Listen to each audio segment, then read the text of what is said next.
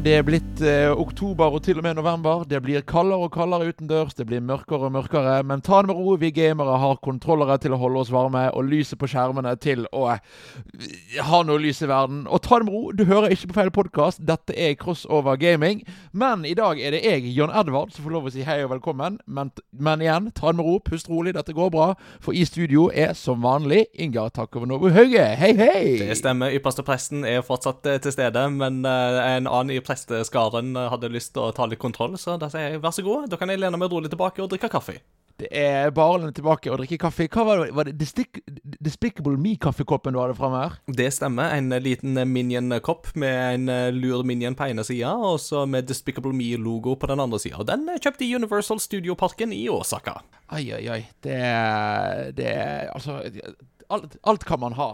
Alt hva man har, sier mannen som drikker fra en uh, kopp som jeg ikke helt så i farten. Men det så nesten ut som det var, det, var, det var nok noe så trist som en uh, battery box, så det var ikke noe spennende kopp i dag, uh, dessverre. Selv om vi er kjent som husholdningen som ikke har glass, vi bruker bare kopper. Ja, Samme her, faktisk. For at vi har jo sånn greie med at Iallfall jeg har hatt en sånn greie med at jeg liker å kjøpe kaffekopper der jeg drar rundt omkring i verden som en suvenir. Problemet er at nå er skapet fullt, så jeg kan ikke kjøpe flere.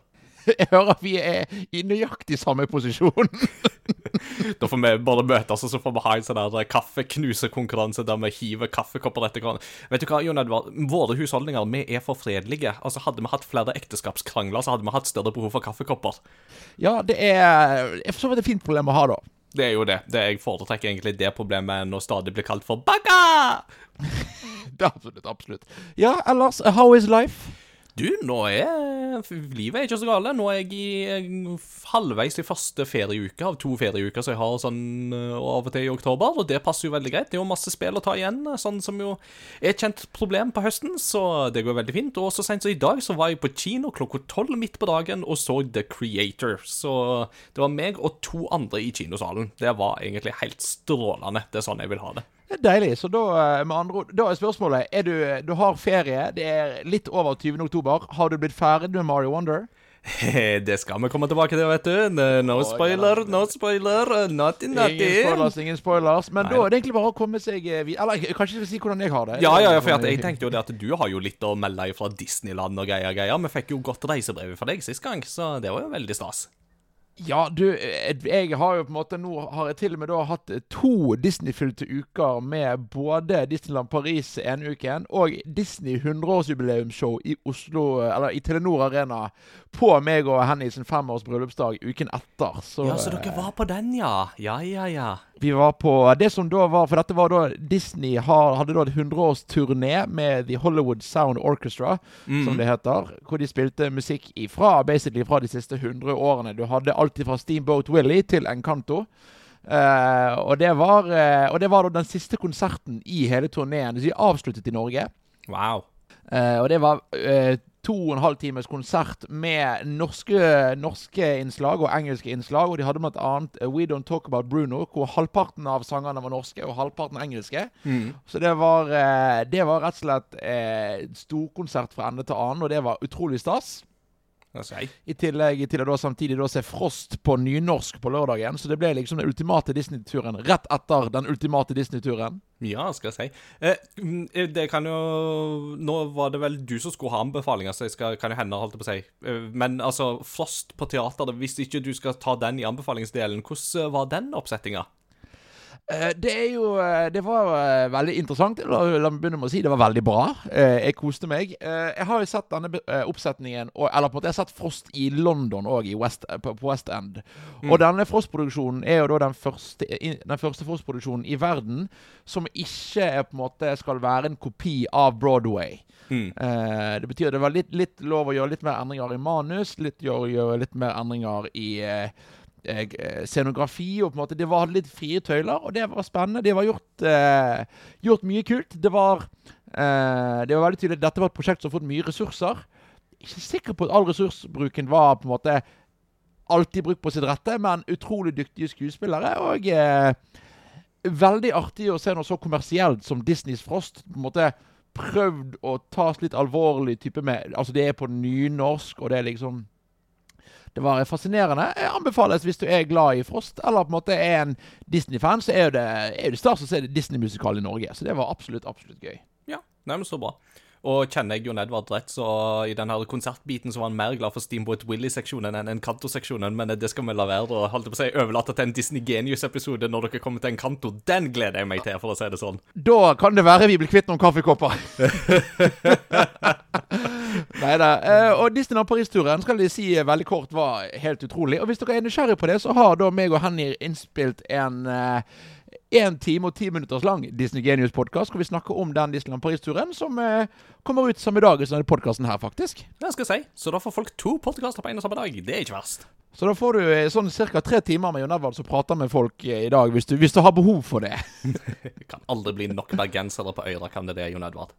Nei, det er er helt rett. eh, Og på ikke nok av. Jeg føler det blir aldri nok nyheter, så la oss hoppe videre til det.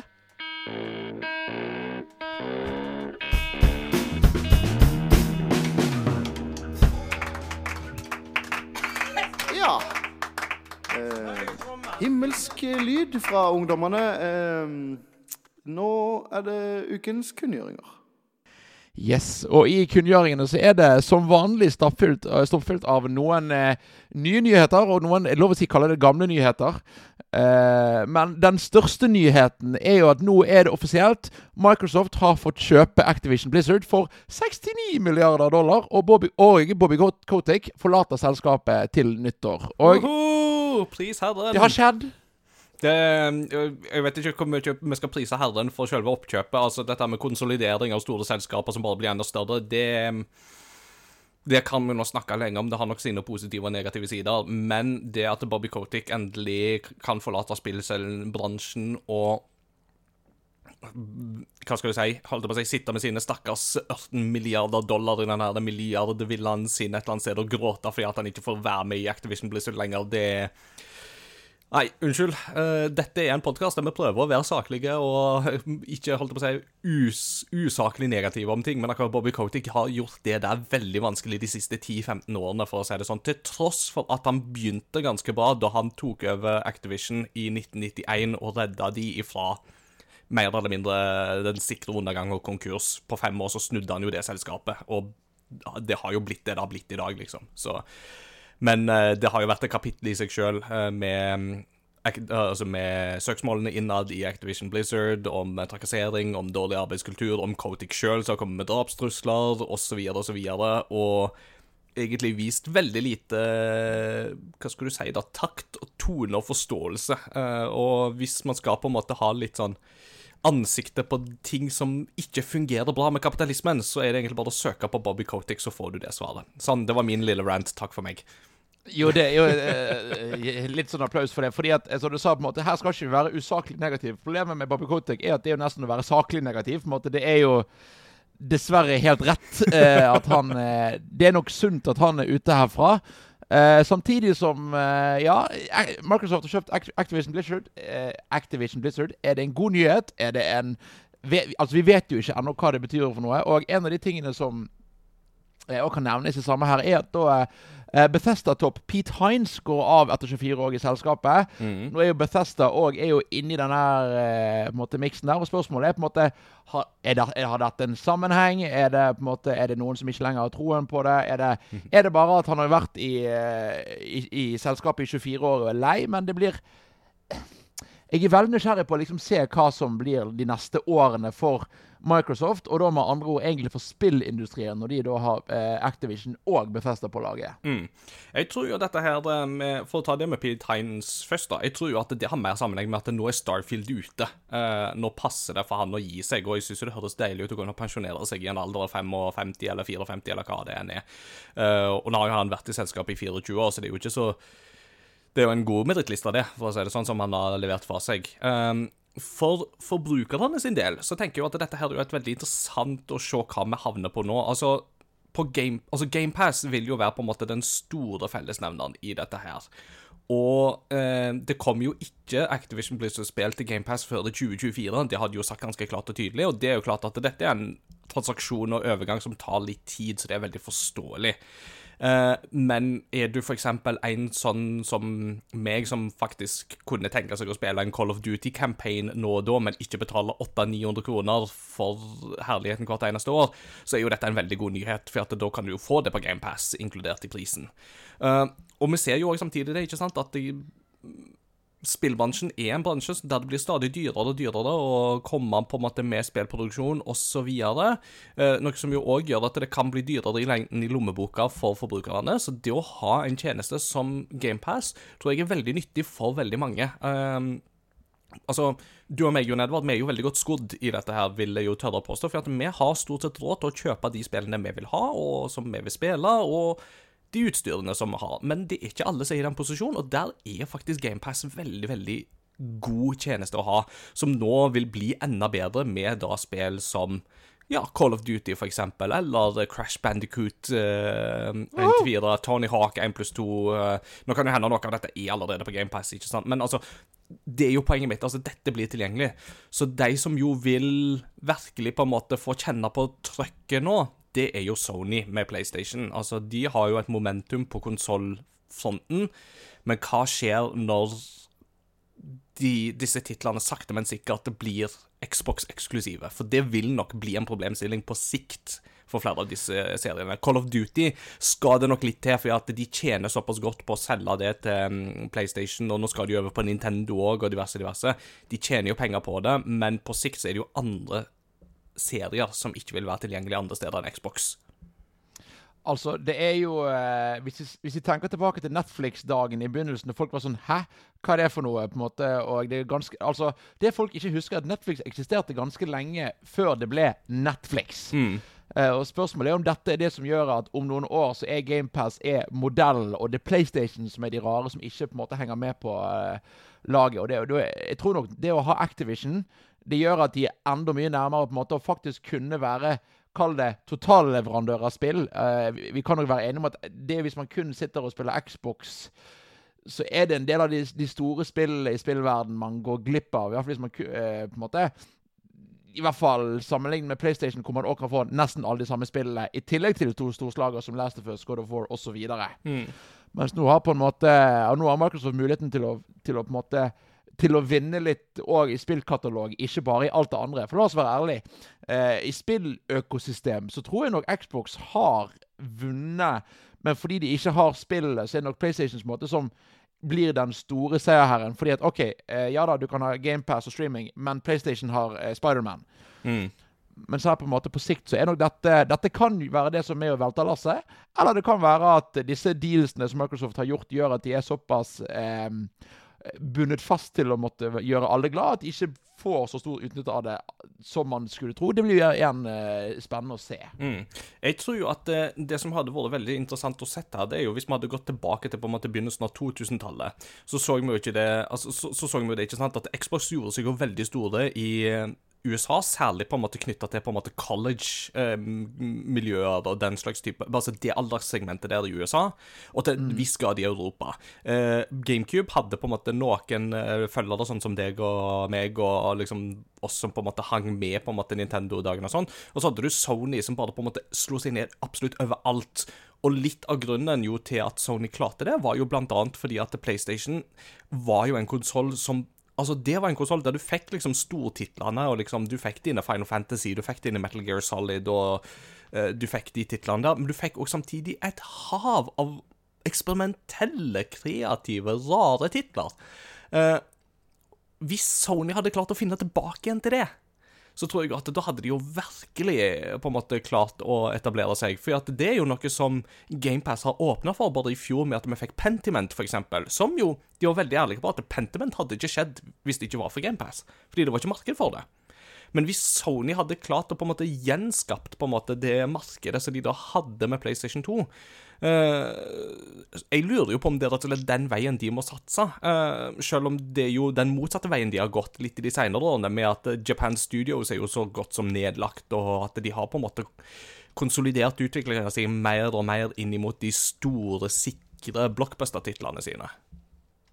Ja, og det er jo noe med at eh, Altså, de har i hvert fall begynt å gå tilbake til gamle trakter med å ta rare hardware decisions igjen, da, med PlayStation eh, Portal og sånt. Så vi får se om kanskje resten følger en. Mm. Det blir jo spennende. Ja, Det kan òg nevnes i eh, Microsoft-hjørnet at Minecraft har nå solgt 300 millioner eksemplarer. Det, det, det er så latterlig stort tall. Det, det er ikke til å fatte. Altså Ja, det Det er jo Ja, nesten men- like mye som Nei, det er ikke like mye som Pokémon har solgt til sammen. Det er det ikke. Men altså, Minecraft har jo for, med dette for lengst etablert seg som det bestselgende enkeltspillet noensinne. Altså Ja, og på en måte, og hvis du begynner å sammenligne eh, salgstallene til moderne Pokémon-spill, så er jo på en måte det slått ganske solid. Mm, ikke sant. Altså, Det nærmeste du kommer, det har jo vært GTA 5. Altså, GTA 5 har jo ligget på sånn noe hundre millioner, det òg, men det er jo liksom Dette er fortsatt holdt på å nesten tre ganger så mye. Så det er ganske utrolig, altså. Det, det må sies. Og det viser det at uh, Igjen, da. Det med kreativitet. Altså, har du en kreativ platt, altså Har du en kreativ idé, et kreativt konsept, og på en måte åpner opp dette for alle og hvermannsen, så er det jo bare the sky's the limit, altså. Så ja. Absolutt. Og så syns jeg òg det er interessant på en måte det å da og Hvis du da ser på spill spillmediet, på en måte, og spesielt eh, type sånn eh, spilljournalistikk og sånn, det er da måten vi har klart å på en måte For da er Minecraft er jo da liksom det mest solgte spillet. Det er ikke det, er ikke det spillet som er snakket om.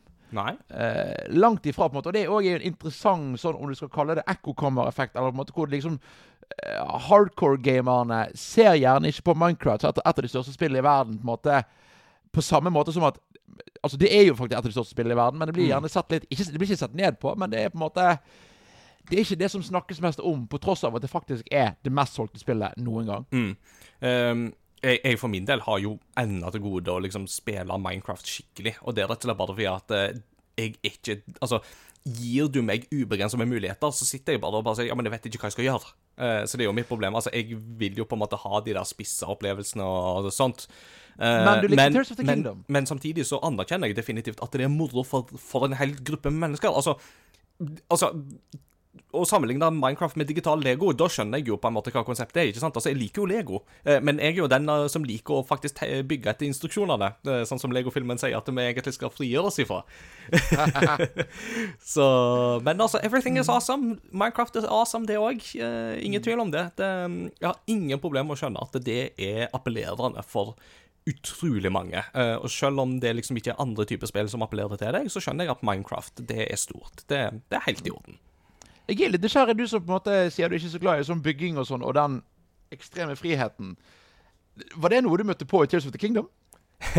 Det var jo det jeg var redd for i Tears of the Kingdom. Men uh, med Tears of the Kingdom så opplevde jeg likevel at jeg fikk på en måte Jeg bygde det jeg trengte, og så prøvde jeg meg litt grann av og til med noen eksperimenter og sånt, men det jeg jo konkluderte med i den anmeldelsen, var jo det at jeg ser så utrolige potensialet her, så nå gleder jeg meg bare til at internett oppdager dette spillet. Det var jo det jeg omtrentlig ordrett skrev i anmeldelsen, og de, sure, sure thing, altså de to neste ukene etter at det spillet var ute, det var jo ikke annet å finne enn folk som breaker det spillet på så mange måter vi liksom alltid klarer å finne på. Og jeg, er bare sånn, jeg sitter og bare mektig imponert over hvor kreative mennesker kan være, altså. Absolutt. absolutt. Eh, apropos Nintendo, så eh, har vi nå fått eh, nye stemmeskuespillerne til Mario Luigi. De er nå offentliggjort siden, siden Mario Wonder er ute. Og det er Kevin Afghani, eh, som er eh, kanskje mest kjent som Arnold i Genshin Impact. Eh, og morsomt nok, jeg hadde kun hørt om han før ifra Dragonball R&R. Å, OK. Ja. Det, men det er på en måte, og det er på en måte, og det sier litt om hvor bredt de har gått ut der. For Dragon Ball R&R er en fananimasjon av han som spiller Goku i Dragon Ball Z Abridged. Åh, Dragon Ball Z Abridged er fantastisk. Absolutt. Og han har da laget en, eh, en annen versjon av Dragon Ball-serien. Og da har han her vært en skuespiller i dette fanprosjektet og har jobbet litt. Men er en ganske en av de nyere generasjons stemmeskuespillere. Eh, men han er da den nye stemmen til Mario og Luigi. Mm. Eh, apropos Dragon Ball Abridged, har de en sammenheng med Yu-Gi-Oh! Abridged? Det er Little Karibo som har laget den. Er han som spiller Freeza i Dragon Ball Abridged. Ja, riktig. For at, eh, altså, Yu-Gi-Oh! The Movie Abridged er fortsatt noe av det mest fantastiske internettunderholdning som er laga. Jeg tror jeg kan den på rams, og det er ah, Nei, det, det er sånn, hvis jeg noe skal ha det moro, så bare setter jeg den på, og det er ingenting som eh, underholder meg like mye som uh, Yugi som kom inn på turneringen. I'm here to kick ass and play card games, and I'm all out of ass. Ja. Å, det er gøy. Uh, nå skal vi snakke litt om Mario Wonder senere, men bare sånn akkurat eh, sånn innledningsvis. Kevin Afghani som Mario Luigi, hva, hva, hva har du tenkt så langt? Nei, så langt har jeg bare latt meg sjarmere av Toodaloo. Så Nei, så langt så- Yowie zowie! Yowie zowie. Nei, det, det, det er mye å skryte av Super Mario Bros. Wonder, og stemmene, inkludert av Mario og Luigi, er absolutt en av de, det vil jeg si. Så dette er en eh, pangstart for eh, Kevin, for å si det sånn. Jeg gleder meg til dette, samtidig som at det er jo en liten del av meg som på en måte savner litt uh, Charles òg, og men uh, vi vet at han uh, fortsatt eh, støtter opp om eh, hele dette spillet sitt, og ja. Så om, hele stemmen sin, mener jeg. Og, ja.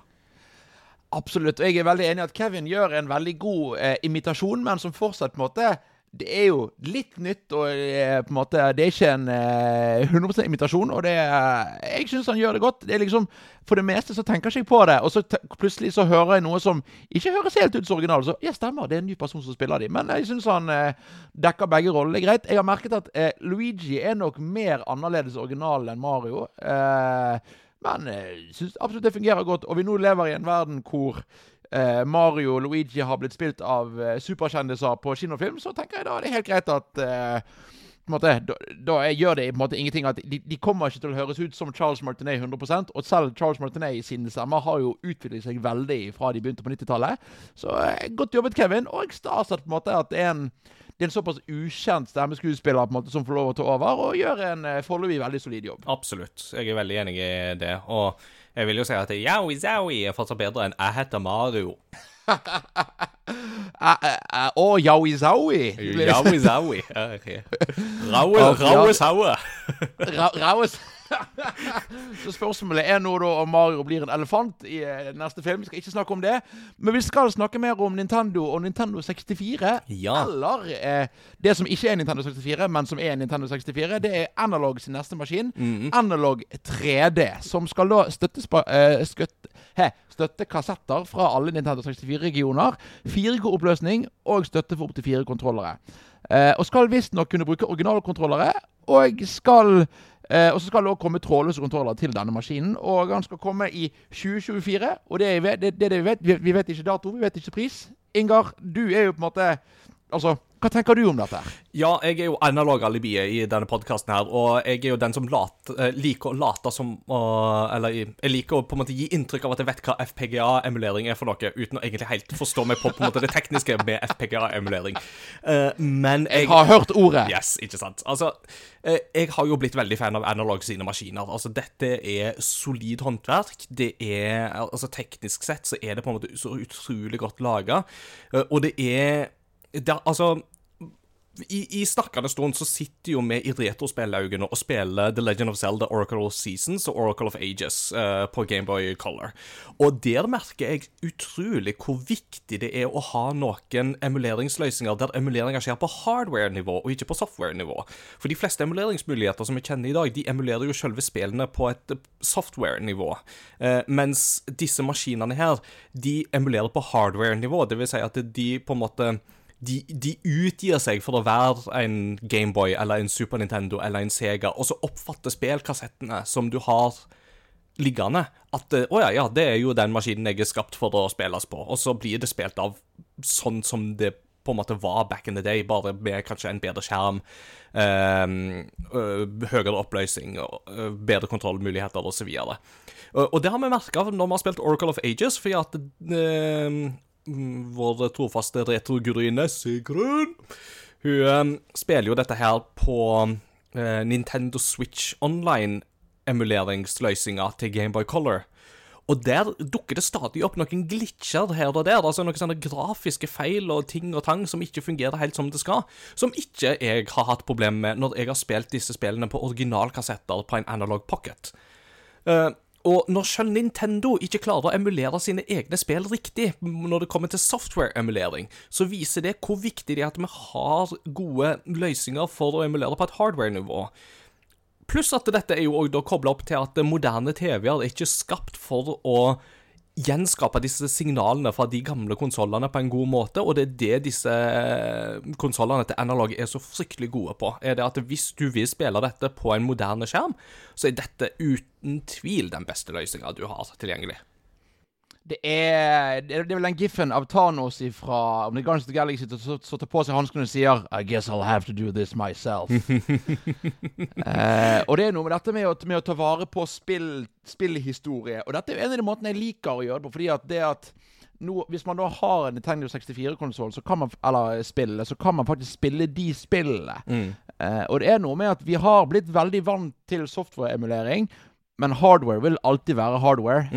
Um, en av mine gøyeste sånn på en måte hardware mot software-emulering og spill av eldre spill, det er jo Du vet jo hvordan den første PlayStation 3-konsollen kunne spille PlayStation 2-spill, men ikke de nyere PlayStation 3-konsollene. Yes. Jeg har den sånn. Og det er jo klassisk fordi at den første PlayStation 3-modellen hadde basically en PlayStation 2 inni seg. Mm. Um, og det er jo et eksempel på Mens de nyere PlayStation 3-ene, de slimmene, på en måte, de, de, de klarte bare å emulere et PlayStation 1-spill fordi det måtte gjøres via software. Mm. Uh, så det er noe med det på en måte og Det å ha tilgjengelig hardware Jeg håper jo dette blir på en måte en trend som bare fortsetter med at OK, kanskje vi får konsoller som emulerer type PlayStation 2 PlayStation 3 etter hvert. Mm. Samtidig som vi bare passer på at vi ikke går inn på, på piratmarkedet, og det er jo en vanskelig balanse. Mm. Ja, og akkurat det med piratmarkedet er jo veldig bra at du tar opp der, fordi det har jo vært en av de store kjerneproblemene når det knytter til eh, ja, spillkonservering og emuleringsmarkedet, og det er jo det at software-emulering Uansett hvor mye vi liker på en måte å snakke om at it's all in the name of science eller uh, game preservation og osv., så, så, videre, så er det ikke til å komme vekk fra at veldig mye av den softwaren som vi får tak i knytta til emulering, er ikke lagt opp på internett på lovlig vis. Altså, Det er mye ulovligheter knytta til det, og det er på en måte innafor uh, de delene av lovverket som ja, som copyright-rettigheter beskytter, osv., osv. Det problemet unngår man i veldig stor grad med disse hardware-emuleringene her, uh, fordi at det er Altså Til en viss grad så er det jo snakk om veldig kløktig um, um, reverse engineering. Altså Dette med at du mer eller mindre plukker noe fra hverandre og finner ut hvordan alle komponenter fungerer, og så setter du det sammen på din helt egen unike måte. Um, så dette på en måte unngår på en måte en del av den legalitetsproblematikken som man har hatt tidligere. Ulempen, og det kommer jo analog 3D òg til å merke, er jo det at dette er på en måte den løsninga for de rike. Eh, eller for de som har mer penger. For at dette er for de som for det første har originale spill, eller som er interessert i å kjøpe originale spill. Og det er klart at kjøper du disse originale spillene i dag, så er jo de gjerne dyre, iallfall hvis du skal ha de som er ettertrakta og i fin stand, osv., osv. Eh, pluss at uh, Analog sine konsoller har hatt en tendens til å bli produsert for få av, så de blir jo utsolgt på minuttet, og så blir det jo deretter solgt videre på internett til dobbel pris. Uh, og det Litt av det er jo fordi at Analog er et veldig lite selskap. Um, de lager vel det de har kapasitet til. Uh, og så har jo dette med komponenttilgang vært et uh, problem for deg òg. Altså, Analog Pocket ble jo utsatt uh. Altså, produksjonen der ble jo litt utsatt pga. covid og halvlederkomponentetterspørselen. Så det er jo sånne ting som muligens man vil merke òg med Analog 3D. Så jeg skal sitte klar den dagen de lanserer det, for å sikre meg et eksemplar. Det er det iallfall ingen tvil om. Absolutt. absolutt. Uh, det, var, det var forresten det ikke jo... min måte å liksom si ha-ha, jeg har masse penger på, for det, det, har jeg ikke. Men dette er sånne ting som jeg tar meg råd til, å si det sånn. Altså, enten sier du har jeg har masse penger, nei, men du sier egentlig bare sånn Jeg er bare dårlig på økonomiske valg. Eventuelt. Eller, eller, eller, man sparer penger på andre ting. Jeg jobber innafor en uh, lavkirkelig misjonsorganisasjon. Altså, vi er ikke kjent for å ha penger, for å si det sånn. Du jobber ikke der for å bli rik. ja, det blir jo spørsmål når Hvilken dato De begynner å selge analog-trener. Apropos datoer og ting å bare snike ting ut, så har Sony da sneket ut en haug med soundtracks på Spotify. De har da gitt ut bl.a. soundtracket til Gravity Rush, Shadow of the Colossus, Wild Arms uh, Popolo Croix mener jeg òg er inni der, ja. Yes, og, og, og eh, Hva var det? Et, et spill jeg tenkte på. Så da, eh, Patapon har òg kommet ut. Ja, stemmer det. Patapon, patapon, patapon. Eh, og det er jo også sånn eh, eh, På én Ja, fantastisk. eh, Dette er veldig gøy. To Hæ? Skjedde ikke dette for ti år siden? Hva, hva, hva har de ventet på? Men jeg er jo aller mest veldig glad for at dette skjer. Jeg vet ikke på en måte Hva, hva syns du om dette? her? Jeg, jeg antar du ikke er negativ? Nei, jeg er jo veldig positiv, og dette er jo um, eh, Hvis jeg al Altså, dette har jo vært en av mine store irritasjonsmomenter med Nintendo uh, de siste ti årene. Eller ikke bare ti årene, kanskje 15 årene. er jo det At jeg er jo veldig glad i Nintendo sine spill. Veldig, veldig glad i Nintendo sin musikk i de fleste av de produksjonene de lager sjøl. Men de får det jo ikke ut digitalt på noen som helst plattformer. Og det er jo klart at skal du ha disse Nintendo-soundtrackene, så må du jo veldig ofte bare få tak i de Altså, de selger de kan Hvis du er heldig, så selger de de fysisk i Japan. Men altså de fleste av oss bor ikke i Japan, de fleste av oss bor utenfor Japan, og vi skulle veldig gjerne hatt dette her tilgjengelig på Spotify. Thank you very much. Ja, og noen ganger er de soundtrackene bare sånn limited edition som kom med first printing i Japan, til og med. Det er ikke bare sånn at det er tilgjengelig i Japan. Sånn, det var tilgjengelig i Japan når Super Mario Galaxy kom ut for øh, noen par år siden. Ja, og da gjerne via at du var med i eh, Nintendo-klubben i Japan, øh, som jo gjorde det enda mer eksklusivt. Så er de der to soundtrackene som jeg har av Mario Galaxy 1 og 2, som jeg jo har fått tak i fysisk i Japan, de tar jeg veldig godt vare på, for å si det sånn, for de er ikke så lette å få tak i sånn utenom. Redd for å få hakk i platen i de. De er uh, rippa inn på PC for digitalt da for lenge siden, så jeg har de godt tilgjengelig, men det er iallfall CD-er som jeg vet at de er ikke lette å få tak i. Nei, og det er jo Jeg er helt enig med at jeg går litt frustrert over Nintendo på dette. Blant annet fordi at Nintendo har òg samtidig vært veldig strenge på youtubere som laster opp denne musikken på YouTube. Fordi at Nei, det er ikke greit. Vi kan ikke dele den musikken. Jo, men vi vil jo vi, Altså, og, og, dette er jo folk som har jo lyst til Altså, hvis det hadde vært på Spotify, det hadde fått Jeg tror det hadde fått milliontall. Type Mario Galaxy og Mario Odyssey-soundtracket. Folk skriker jo etter å få disse soundtrackene tilgjengelige. Eh, Og så, som du sier, så slår de bare hardt ned på de som faktisk gjør det tilgjengelig. Men gi oss et alternativ, da. Det, det er ikke verre enn det. Og det er jo et av de der eksemplene på at Japan er Altså, store deler av Japan iallfall er veldig redd for internett. Det er en sånn veldig rar ting, men man er veldig redd for på en måte internettmarkedet og slippe ting digitalt, for da er man redd for piratkopieringer. Men det er jo mangelen på tilgangen på nettet som nettopp oppfordrer til piratkopiering, så øh, nei. Det ble mange rants i dag. Jo, men, det, men jeg òg syns det er veldig interessant. Fordi at når dette kom, så sø søkte jeg Å, er Ratchet Clank-soundtracket oppe der? Og det er det altså ikke. Eh, Og grunnen til at det er Eller det vil si det nyeste Unnskyld meg. Til Rift Apart er ute, men ikke til de gamle PlayStation 2 og 3-spillene. Og når grunnen eh, og grunnen til det, ifølge komponisten, er at det er allerede så mye piratkopier der ute at de er redd for at det vil ikke lønne seg økonomisk å gi det ut digitalt. Og da er det sånn Ja, men hvis ikke dere begynner, på en måte, så vil, det, så, så vil dette bare fortsette å være et problem. Mm. Eh, og spesielt sånn som på en måte du har fra PlayStation 2-æraen, så vet vi at Sony og eh, Insomniac har versjoner av eh, musikken som er i høyere kvalitet enn det som var på disken.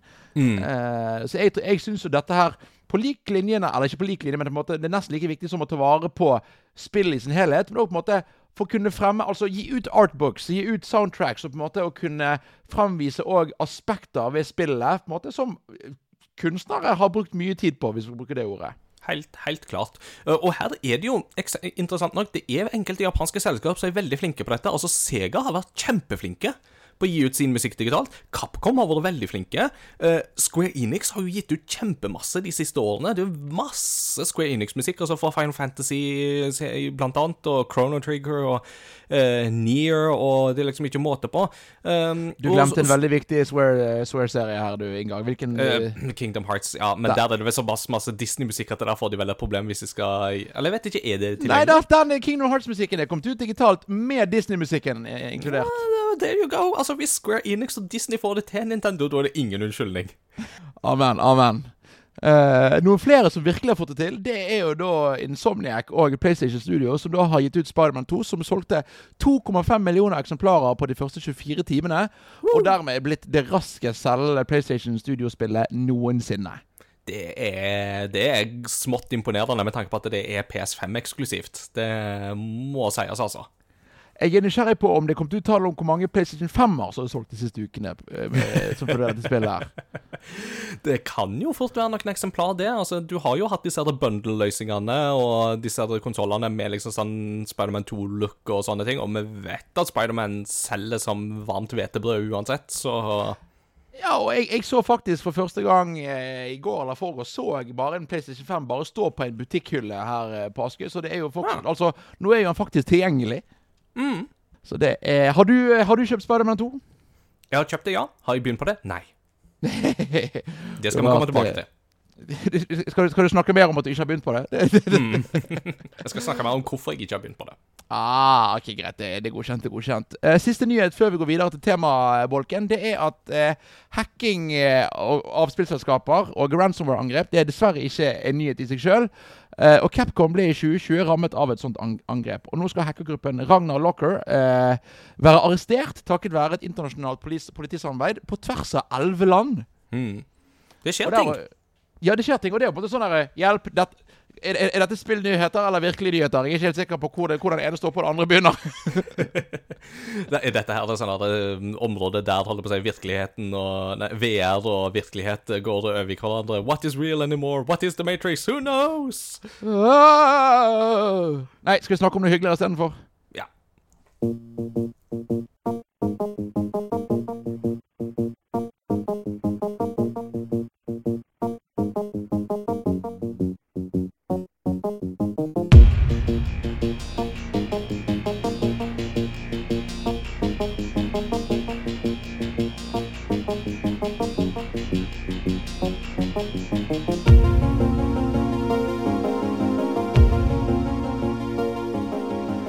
Ja, vi skal snakke om noe hyggeligere. Vi skal snakke om noe som vi da har kalt for et monster, men vi, vi anser det likevel så hyggeligere. Uh, vi Det er et hyggelig snakke- monster. Det er et hyggelig monster. Litt stort og skummelt monster, men det er egentlig veldig snilt. Er det litt sånn Eh, som eh, Hva er han heter da i monsterbedriften? Han uh, Sully. Sully, er det jeg tenkte på, ja. James P. Sullivan. Eh, vi skal snakke om backlog-monsteret. Eh, og det er noe alle, de fleste gamere har et problem med. Men da, Ingar, la oss begynne med det første først. Hva er en backlog? Ja, Hvordan skal vi definere en backlog? Det er jo flere måter du kan gjøre dette her på, men en backlog må jo først og fremst karakteriseres av um, et prosjekt innenfor noe som du ennå ikke har kommet i gang med. Eh, Det er iallfall sånn jeg ville karakterisert det litt sånn grovt eh, sett.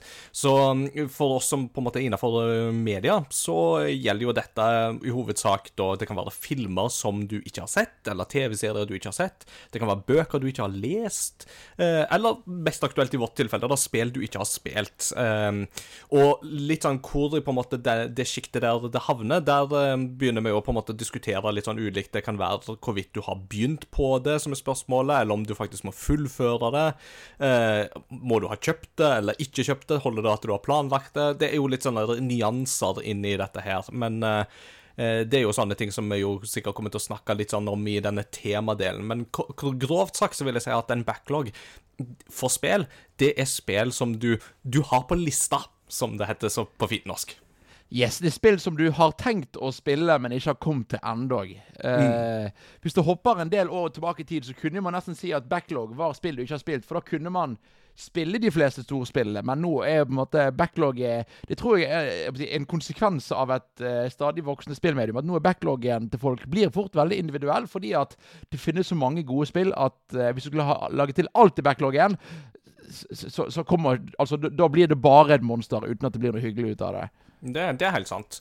Og så kan jo en backlog kan jo utarte seg veldig forskjellig òg, fordi at dette er jo veldig betinga av dine, din smak og din preferanse. Altså For noen så er liksom gaming Det handler om at de spiller det nyeste Fifa, eller EA Sports FC, som det heter nå. Unnskyld. Ja, altså, du spiller, du spiller EA, altså i, du spiller det nyeste fotballspillet, og du spiller det nyeste Call of Duty, og så spiller du kanskje ett spill til i året, og that's it. Det er det du spiller. Da er ikke en backlog et veldig stort problem. Men em, for noen da, så er jo en backlog er jo gjerne knytta til på en måte alle nye spill så de, som kommer ut, som du vil følge med på. Men så har du jo sånne som oss, da, som gjerne òg har litt interesse for spillhistorie, og som gjerne vil gå litt tilbake i tid og spille litt ting som har kommet ut tidligere, som har hatt stor betydning, enten fordi at det, du syns det ser spennende ut, eller det er knytta til en utvikler, eller det er spill som er kjent for å være veldig gode innenfor sin sjanger. Eh, og med en gang du havner på en måte i det løpet der, så er jo en backlog noe som fort blir et stort problem. Både fordi at eh, spillbransjen blir jo bare eldre og eldre. Så jeg vil si at jo, jo for hvert år som går, så vil en sånn backlog by default bli større, fordi det vil alltid ha kommet ut flere spill enn du klarer å gå tilbake til. Uh, og, og, så er jo det jo da kombinert med at uh, mange av oss går jo gjennom ulike livsfaser, og med ulike livsfaser så kommer jo ulik tid man kan dedikere til spill. Um, som student så hadde jeg jo mer tid til det enn uh, som voksen arbeidende arbeidskar. Eh, det må jo faktisk sies. Og uh, får man familie og barn inn i dette her i tillegg, så er det jo klart at da minsker jo kanskje tida enda mer, med mindre man på en måte klarer å spille sammen med de og sånt. Um, og så er det ikke nødvendigvis gitt at du nødvendigvis da får spilt de spillene du vil spille sammen med ungene dine, f.eks. Så det kan jo være ting som gjør at uh, backlog er noe som blir et stadig større i hermetegn problem uh, med årene. Ja, så er det noe det som du sier på en måte, men Når man har en interesse for spillmediet, så er det noe, den back backloggen handler ikke bare om å, det spillet kom ut, men jeg hadde ikke tid. Så du sier på en måte Hvis man plutselig får interesse for f.eks. å ha nettopp eh, Metal Gear Solid fått en ny kolleksjon Eller man, har den kommet ut nå? Eller ja, den er ute nå i snakkende stund, ja. Ja, eh, og på en måte og liksom, hvor da, da får plutselig noen fire-fem spill i backloggen fordi at de er interessert i den serien, og kanskje til og med kjøper kolleksjonen, men ikke har tid. Eh, ellers har du måte, sånn som meg på en måte igjen det så du sier på en måte at jo mer interessert man er, mer sånn Å ja, dette spillet har en historisk betydning. Kanskje Å ja, må, det må jeg få spilt en eller annen gang. Eh, så det er noe med det at spill blir samlet opp i backloggen av forskjellige grunner. Og noen spill kommer til og med på en måte ut av backloggen fordi du merker at å ja, nei, nå har jeg ikke lyst til å spille det, det lenger. Eller nå har jeg prøvd et annet spill som ligner. Men for deg, Ingar, hva er det som gjør at spill havner i backloggen? Ja, det er jo Nå har jeg jo toucha innom det litt, men altså, for, mm. vi kan, hvis vi begynner på en måte i det der spillhistoriske, så kan det jo være at mm. det, det spill kan havne i en, en, en, eller annen form for backlog, iallfall. Fordi at jeg, eh, har jo gjerne interesse for å gå tilbake til spill som har blitt gitt ut før og prøver på en måte å utforske spillhistorien i mye større grad. Altså, hvordan har på en måte spill, sånn som jeg kjenner det i dag, blitt til det det har blitt? Um, hvorfor ble det spillet en suksess? Hvorfor ble det spillet en fiasko? Hvorfor er det spillet kjent, selv om det ikke er bra? Uh, er det spillet så bra som folk ville ha det til? Og så har vi jo dette med retrospill òg, som gir oss en gyllen mulighet til å gå tilbake til noen sånne prosjekt uh, innimellom. Så det er jo trivelig, et trivelig verktøy for det. Um, og så er det jo dette her med at uh, som spillanmelder, så er jo Ser jeg jo på det som min oppgave på mange måter å prøve å holde meg så oppdatert som mulig. Um, og kjenne til så mye spill som det går an å kjenne til innenfor holdt jeg på å si, tidens og rommens fysiske begrensninger. Uten at det går på bekostning av andre ting som familie, arbeid, eh, sosiale ting osv. Og, og da betyr jo det at det kan være mange spill som da havner på en radar. At det er sånn Ja, det spillet snakkes det mye om nå, det er et spill som veldig mange er interessert i, men som ikke nødvendigvis står så høyt på på en måte min personlige prioriteringsliste at det er noe som jeg begynner på. Um, og så kan du må det jo òg sies at inni alt dette her, så er det jo litt sånn tidsoptimisme inni dette her òg. Altså, har jeg et prosjekt sånn, så, sånn, som nå, da. Jeg har ferie i to uker, og da har jeg liksom hatt en plan om at ja, i løpet av ferien så skal jeg spille det, og jeg skal spille det og det og det og det, og jeg skal se den og den og den og den serien, jeg skal lese den og den og den, den boka, og jeg skal se de og de og de og de filmene. Jeg er jo ikke i nærheten av å komme gjennom en, en fjerdedel av det engang. Uh, mm. men, men det er noe med, holdt på å si, du, du så litt sånn sjølransakelse må nok inn i bildet her. At du må på en måte innse litt dine egne personlige begrensninger og bare innse at eh, du kan ikke komme gjennom alt. Og mm, jeg hadde den realiseringa for noen år siden knytta til det med spill. Altså, det, det kom ut 10 000 spill på Steam alene i løpet av et år. Enkel matematikk sier at du kommer deg ikke gjennom alt det, eh, så dermed så må du jo foreta deg noen begrensninger. Men så er det jo da noen spill som på en måte innafor de preferanser du setter, så vil de da havne på en sånn uh, type backlog uh, naturlig, uh, tenker jeg. Og det er jo litt sånn i forhold til hva du sjøl liker, og hva du sjøl har interesse for. min backlog er f.eks. veldig full av japanske rollespill. Ikke så full av MMO-er, sportsspill eller From Software-spill, selv om sistnevnte har havna litt der, de òg. Ja, og det, jeg, er veldig, jeg er veldig enig med mye av det du sier, blant annet dette type Når vi da er spilljournalister, eller kaller du spill eh, eller entusiasmepress, eller hva det skal kalles Ikke kall oss influensere, da fiker jeg til deg. okay, Nei, nei, nei, det hadde jeg ikke tenkt å gjøre. Nei, nei. Uh, høyt, i hvert fall. Eh, nei, men det er det å holde seg oppdatert. Jeg vil jo f.eks. mene at en, en som da er innenfor spilljournalisme, bør f.eks. type vite hva en Battle Royale har spilt, type det som ofte de største spillene, om ikke har fullført de, men har prøvd de, vite hva Overwatch går ut på, det å, eller være veldig tydelig på at jeg har ikke peiling på dette, selv om alle, alle har hørt om det. på en måte, men jo, vi tar jo ofte på oss et ansvar med å vite litt om mediet generelt. Mm. Eh, og så er jo på en måte jeg òg et, et, et sånn veldig enkelt, konkret ting som gir meg større backlog, det er tilbud eller salg. Ja.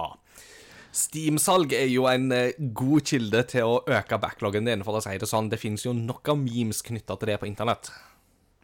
Absolutt. Og så er det noe med at nå har jo på en måte resten av konsollverdenen fulgt etter med både ha mer fokus på indiespill og være flinkere på eksempel på uh, få eh, indiespill som allerede er i en lavere prisklasse. Plutselig får du plutselig for en tier kunne få en, et indiespill som mange liker. på en måte, og det er jo, Jeg tror nok både du og jeg har ganske mange sånne i samlingen som Ja, det der må jeg få spilt en gang. Og så kjøper du det, og så blir det der i noen år. Ja. Og, og, og der, der er jo Jeg er jo håpløs på det punktet der, for at jeg er jo samler på toppen av det hele, ikke sant? Altså, eh, vegg i vegg med Studio A City nå, så har du The, The Jedi Archives, som vi kaller biblioteket vårt, og der er det jo hylle opp og hylle ned med tegneserier og bøker, men veldig mye spill. Eh, veldig mange fysiske spill av eh, liksom fast til Switch, Xbox, PlayStation, Sega, you name it. Eh, og jeg er jo en sånn som bare på en måte oh, det er et veldig fint spill, det er kjekt å ha i samlinga, men altså jeg kommer jo ikke rundt til at jeg får spilt det eh, noen gang, ikke sant? Så, og, og, og det er jo en interessant distinksjon her, ikke sant? For jeg har jo blant annet eh, Jeg hadde jo et prosjekt for noen år siden der jeg skulle kjøpe Jeg skulle samle alle Wii U-spill som er gitt ut fysisk i Europa. Det er jo en ca. 170 titler, eller noe sånt. Og det har jeg jo klart. Og Ja, og, er, og da er spørsmålet er alle de da i backloggen din. Nei. De, og det er jo akkurat det, ikke sant? Altså, De er jo ikke det. Uh, altså, Det får da være grenser for hvor mange Just Dance-spill jeg skal spille, eller treningsspill, eller Hello Kitty Racer, eller eh, Barbie and Friends eh, Puppy Rescue, som jeg jo faktisk har prøvd i 15 minutter på en nyttårsdag da vi hadde besøk, og noen venner utfordra meg til å prøve det, og det var jo fullstendig grusomt. Uh, men det er jo noen spill inni der som jo faktisk er sånn dette er på en måte spill som jeg er genuint interessert i å teste, for jeg har en tro på at um, Om ikke det nødvendigvis er bra, så er det iallfall noe jeg kanskje har interesse av å sjekke ut. Um, Et eksempel på det er jo Xenoblade Chronicles X, uh, som jo er det eneste Xenoblade Chronicles-spillet jeg ennå har til gode å teste. Selv om jeg jo har likt veldig godt både énen og treen i dette her. Litt mer lunken på toen, selv om det hadde kjempebra musikk. Men jeg tror at X har veldig mye som jeg kunne, kunne likt. Um, og da med, ta med tanke på min interesse for den serien generelt, så er det jo et genuint ønske om at det er et spill jeg en gang vil gå tilbake til og faktisk få, få spilt. Absolutt. Eh, men siden vi nå på en måte, nå vi snakket litt om backlog og konsept og hvordan spill havner der.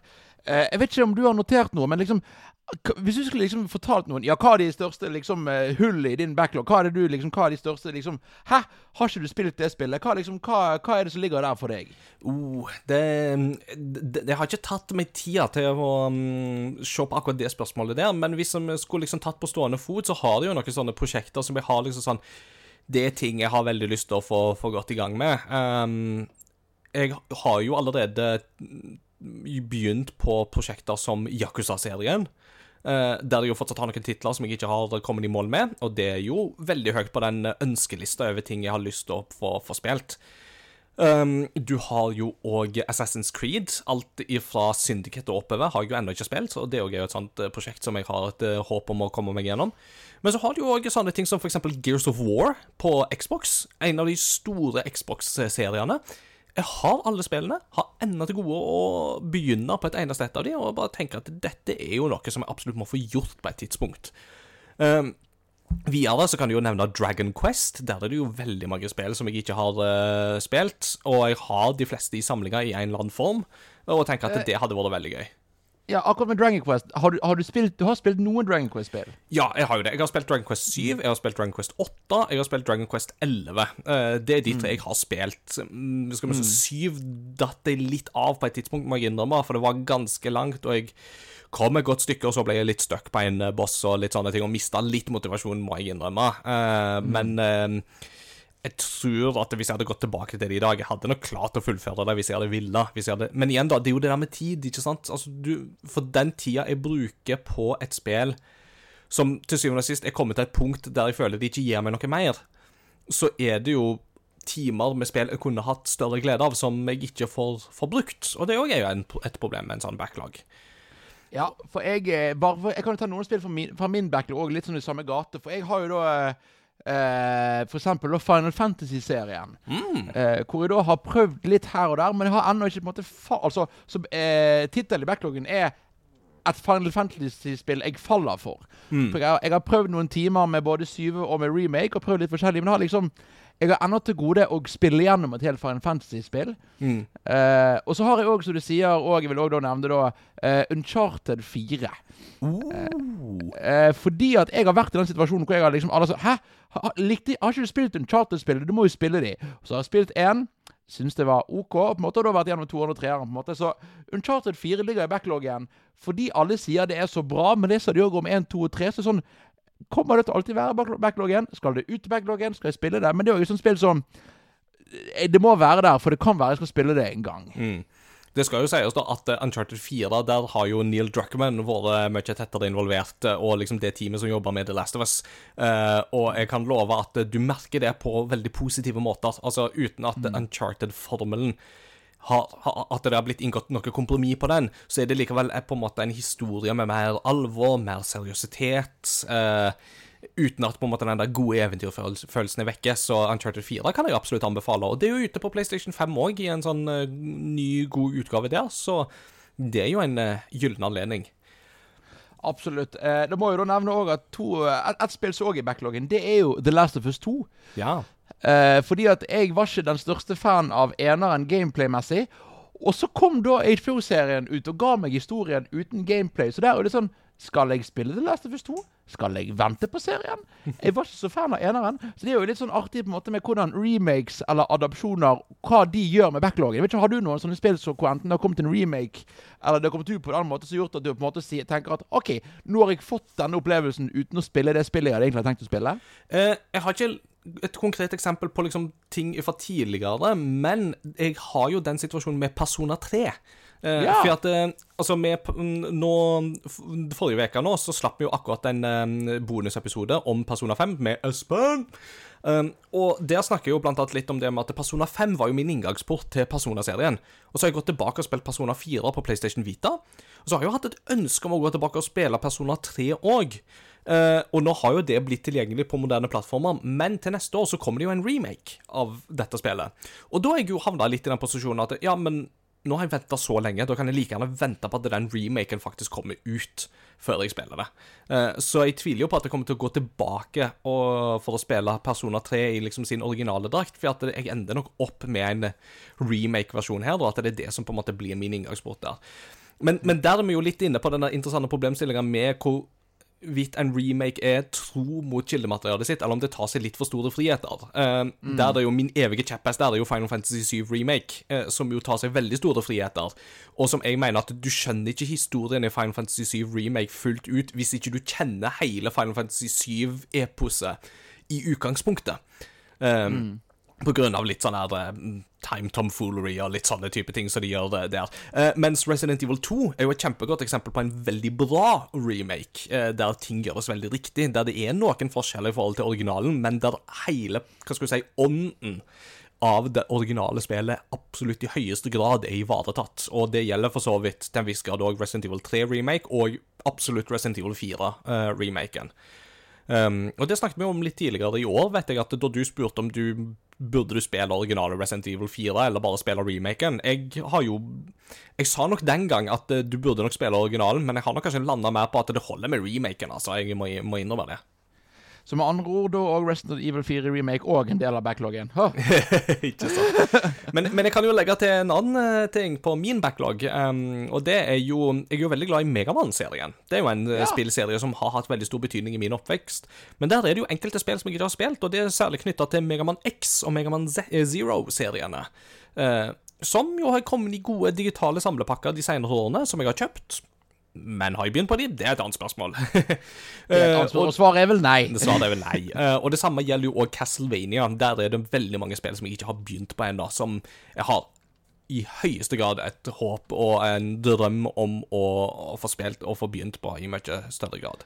Ja, Nå trodde jeg et sekund du skulle si at jeg er veldig glad i Megaman, men jeg har ennå ikke spilt Mighty Number Nine. At det var der det var på vei, men eh, Du, du vet at jeg var en av de som backa Mighty Number Nine. Uh, oh, nei! Navnet mitt står i rulleteksten til det spillet.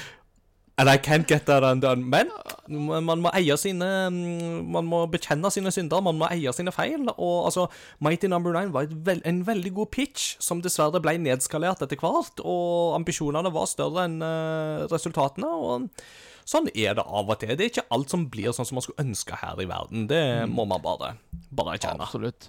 Apropos remake, så har jeg tre spill som er litt måte, i hver sin kategori. Du har ett spill som jeg nå har begynt på, som da er Red Dead Redemption. Så ikke en remake, men en re-release på Red Dead eh, Redemption til Switch. Så det er jo veldig tro til original. Det er jo bare originalen på en måte gitt ut på en ny konsoll. Ja, det er en remaster, basically. En re remaster. Og så har du i andre enden så har jeg òg ett spill som jeg har i backloggen, som nå kommer ut av backloggen. Det er jo Super Mario RPG. Ja, riktig. Det har nok vært i backloggen til ganske mange, tror jeg. Så det, og det er spesielt egentlig etter på en måte at eh, liksom har fått litt smaken på Mario Cast med personlighet igjen etter Mario-filmen. Så eh, Og da ser jeg på en måte at Super Mario RPG OK, da går ut av, original ut av backloggen, fordi dette kommer jeg sikkert til å spille når det kommer ut. Mm. Mm. skal jeg, hvis jeg skal legge på enda flere spill på backloggen min, eh, eller det vil si, jeg legger de ikke på, de er der allerede, så er Ja, jo samme, i- ja. Ja, men altså, Ingar er jo den som liker japanske rollespill, det har vi jo etablert, og da har jeg jo veldig interesse av um, Tales of-serien, der det er det enkelte spill jeg ikke har spilt. Jeg har jo blant annet vært veldig fan av Tales of Arise, og Tales of Zelia er jo en av de eldre titlene som jeg har vært fan av, men Tales of Zelia 2 er et spill som jeg ikke har uh, fått testa, f.eks. Eller Tales of uh, Zestiria, som jo òg var en hva skal du si da? uh, Tales of Berseria var en prolog til Zisteria. Uh, ja, det er veldig mange rare navn her, så bear with me, folks. Uh, men du har Og jo dere klager på Kingdom Hearts. ja, ja, ja. Men så har du jo um, det japanske selskapet Nihon Falcom. De er jo en av de store traverne innenfor japansk uh, dataspillbransje. De har jo holdt det gående siden begynnelsen av 80-tallet. Og det er jo særlig kjent for Ys-serien. Der har jeg jo bare spilt ett spill. Eh, men jeg har veldig interesse av å spille mer. Jeg har både Ys 8 og 9 tilgjengelig på PlayStation 5 nå. Eh, men så har du jo òg The Legend of Heroes-serien, som jo blant annet inneholder Trails of Cold Steel, eh, Trails of Az Azure Trails of Ja, de, de, har flere sånne på en måte serier knytta til dette her The Legend of Heroes-serien sin. Som Og igjen er sånn Dette er jeg kjempesikker på at det har jeg interesse av å få spilt, og hadde sikkert likt hvis jeg hadde fått begynt på det òg, men igjen så er jo tid det er jo et issue.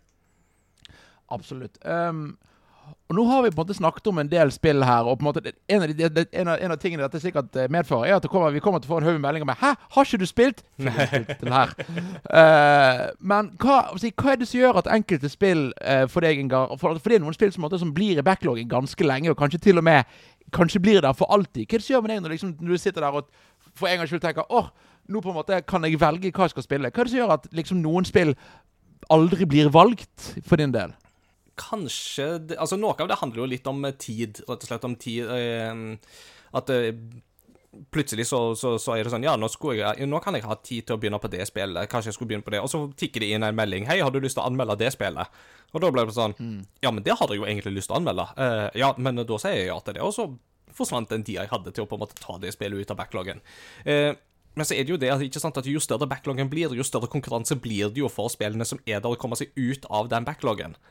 Ehm, og da er det jo dessverre noen spill som dessverre alltid ender opp med å tape, og dermed havner på en måte lenger og lenger ned på den rangstigen. Uh, fordi at det kommer inn andre prosjekter som er mer interessante. Det er, mm, man vokser jo som menneske, og man skifter litt prioriteringer i livet på hva man på en måte har lyst til å utforske og ikke. Um, og noen noen sjangere må man bare erkjenne at det er liksom ikke helt den sjangeren jeg er så glad i lenger, eller at det spillet har kanskje ikke eldes så godt, at det er et spill som kanskje er vanskelig å gå tilbake til i dag. Um, så det handler veldig, mye av det handler jo om tid og om tilgang. Det er egentlig det det ofte kommer koker ned til. Um, ta for eksempel Yakuza-serien, for eksempel. Um, jeg, jeg, har jo kjempeinteresse av den serien. Det er ikke det det står på, men det er jo det at um, jeg vet at hvert Yakuza-spill vil få ta tid. Uh, og det betyr at hvis jeg skal ta den tida til å spille Yakuza 5, som er det neste spillet i, i rekka av hvis jeg skal gå gjennom det kronologisk, så må jeg ha, ha tida til det i litt sånn overskuelig framtid. Og da er det greit at jeg ikke har noen andre sånne store spill som tar oppmerksomheten min. For det er litt òg med på en måte hvor mange sånne baller kan man sjonglere i lufta på en og samme tid. Jeg er en som kan ha to tre spill gående samtidig, kanskje, men de må være litt forskjellige.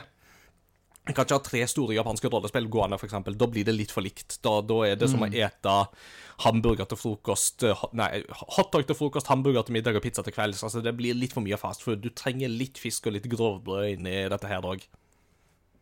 Det er helt rett. Og for meg så er det på en måte veldig enig i det med Og det som, det som ofte jeg merker, er at hvis det er eldre spill, så er det sånn Ja, dette vil jeg spille. Nei, vent. Dette spillet er jo ikke mulig å spille nødvendigvis like mm. enkelt som det jeg har tilgjengelig. For eksempel, jeg skulle Hin dagen hadde jeg lyst til å sitte ned og bare spille noen PlayStation 2-klassikere. Og skulle um, spille på min uh, gamle, troverdige PlayStation 3. Som da dessverre var uh, Har da merket jeg da har blitt ødelagt. Nei uh, Det da Det virker som disktrayen som da har begynt å tulle seg. For man klarte ikke å lese disker. Og da på en måte sånn ja, og disse spillene på en måte Noen av de finnes remakes av. Ganske mange finnes det ikke remakes av. Mm. Og da sitter du på en måte der og sånn eh, Noen spill på en måte dessverre begynner å bli på en måte eh, mer arbeid enn det hobbymennesket eh, alltid er gira på, da. Mm. Ja, og det er jo her denne her emuleringspraten som vi var inne på i nyhetssegmentet, kommer inn, og som er så interessant. ikke sant? For at det her gir jo konsoller som Analog sine konsoller gir oss jo en genuin mulighet til å, gjennom, altså til å gå tilbake og oppleve disse spillene på en måte som er enkel å sette opp per i dag. Altså Med en analog-konsoll så er det altså med analog så er det plug and play. Noe som gjør det veldig lett, eh, forutsatt at du har spillet liggende, da. Eh, hvis du dermed skal begynne å fikle med en eller annen eh, emuleringstjeneste på software-nivå, som ikke nødvendigvis er av den mer, eh, holdt på å si, legale sorten, eller som er av en mer lyssky variant, så krever det fort en litt mer sånn know-how, at du faktisk klarer å fikle litt eh, med på en måte tingene her og der, sånn at du faktisk får ting til å fungere. Uh, og det gjør jo terskelen vesentlig høyere med en gang. Um, og det samme kan jo òg gjelde hvis spillet ikke er oversatt, noe som òg kan være et problem. Jeg har jo f.eks. kjempeinteresse av å gå uh, tilbake til en gammel klassisk Sega-serie som heter Sakura Wars. Eh, ja. Som jo var forløperen til Valkyria Chronicles-serien, som jo kom ut på PlayStation 3 og andre konsoller. Jeg elsker jo Valkyria Chronicles. Altså, det, det, er et spill jeg kan snakke varmt om i lang tid. og og alt sånt. Men Sakura Wars-serien, sånn som den opprinnelig kom ut på Sega, den, er, den, har liksom ikke blitt gitt ut. Det er bare på en måte det femte spillet i serien som kom ut på Wii. Det ble gitt ut, uh, og PlayStation 2. Og så har du en soft reboot som kom på PlayStation 4 for eh, to år siden, som ikke var så veldig god. Men den originale serien den skulle jeg så veldig gjerne likt å gå tilbake til. Men så er det jo det problemet da at alt er på japansk, og sjøl jeg som kan mye japansk, ikke så god til å lese japansk, så jeg skulle gjerne på en måte hatt en god fan-translation. Men da må man øve i en emulering, og så fan-translation, og så ja, så blir det liksom Det blir mer kav. Og så har du det klassiske eksempelet på sånne spill, er jo for eksempel Mother 3. Mm. Uh, funny you should mention that. Uh, for her som jeg sitter nå uh, Dette er god radio, vet du. Men opp for Jon Edvard nå, så holder jeg da faktisk en Gameboy Advance-kassett som jeg har fått av en kompis av meg i USA, som heter ja. Mother 3. Og Det spillet har jo aldri blitt gitt ut på Game of Advance utenfor uh, Japan, men det er da rett og slett en fan-translation som er lagt inn på en sånn det er jo ikke en legitim kassett en plass, men dette er jo noe som jeg har et håp om å få spilt på min analog pocket. Blant annet da fordi at nå har vi jo gått gjennom Earthbound for ikke så veldig lenge siden. Altså, mm, I det siste året så har vi jo spilt Earthbound i retrospillauget, som jo er forløperen til Mother 3. Og da passer det jo veldig godt at jeg har det tilgjengelig. Og det at jeg nå har det fysisk Helt klart som jeg da kan plugge i en fysisk enhet som jeg har lett tilgjengelig, gjør jo den terskelen mye lavere. Men når jeg får tida, eller tar meg tida til det, det er jo et helt annet spørsmål. Ja. Eh, og så må jeg jo si en, en av mine sånne store fiender til backloggen, det er jo at jeg har jo spill som jeg er glad i, så noen ganger spiller jeg spill på nytt. Og da på en måte, da har du det memet med på en måte, det barnet som ble lekt med i bassenget mens det ligger et skjelett på bunnen av uh, bassenget. Det er Du har, du, har noen, du har noen spill som du spiller igjen. Og om det er et Mario-spill, om det er for meg gjerne type Sly Cooper, eller jeg har jo spilt gjennom Kingdom Hearts 3 for tre ganger. Men så er det noen spill som jeg bare aldri kommer til. Mm. Der nevnte du en serie, Sly Cooper. Jeg har kjempelyst til å spille Sly Cooper-serien. Har alltid hatt lyst til. Uh, men gi det til meg på PlayStation 5, så skal jeg få gjort det. Uh, jeg lover. Det finnes jeg, streaming. Ja, men jeg må ha noe som ikke krever sånn uh, Sånt fjas. Jeg er for så vidt helt enig i det, altså. Uh, men nå skal vi liksom runde litt av eh, før vi går over i pause og lytterpost. Men har du noen tips eller tanker? Hvordan, hvordan bekjempe backlog-monsteret? Eller er det bare sånn Ja, jeg vet ikke, jeg sliter med det, har du noe det, Finnes det noen tips?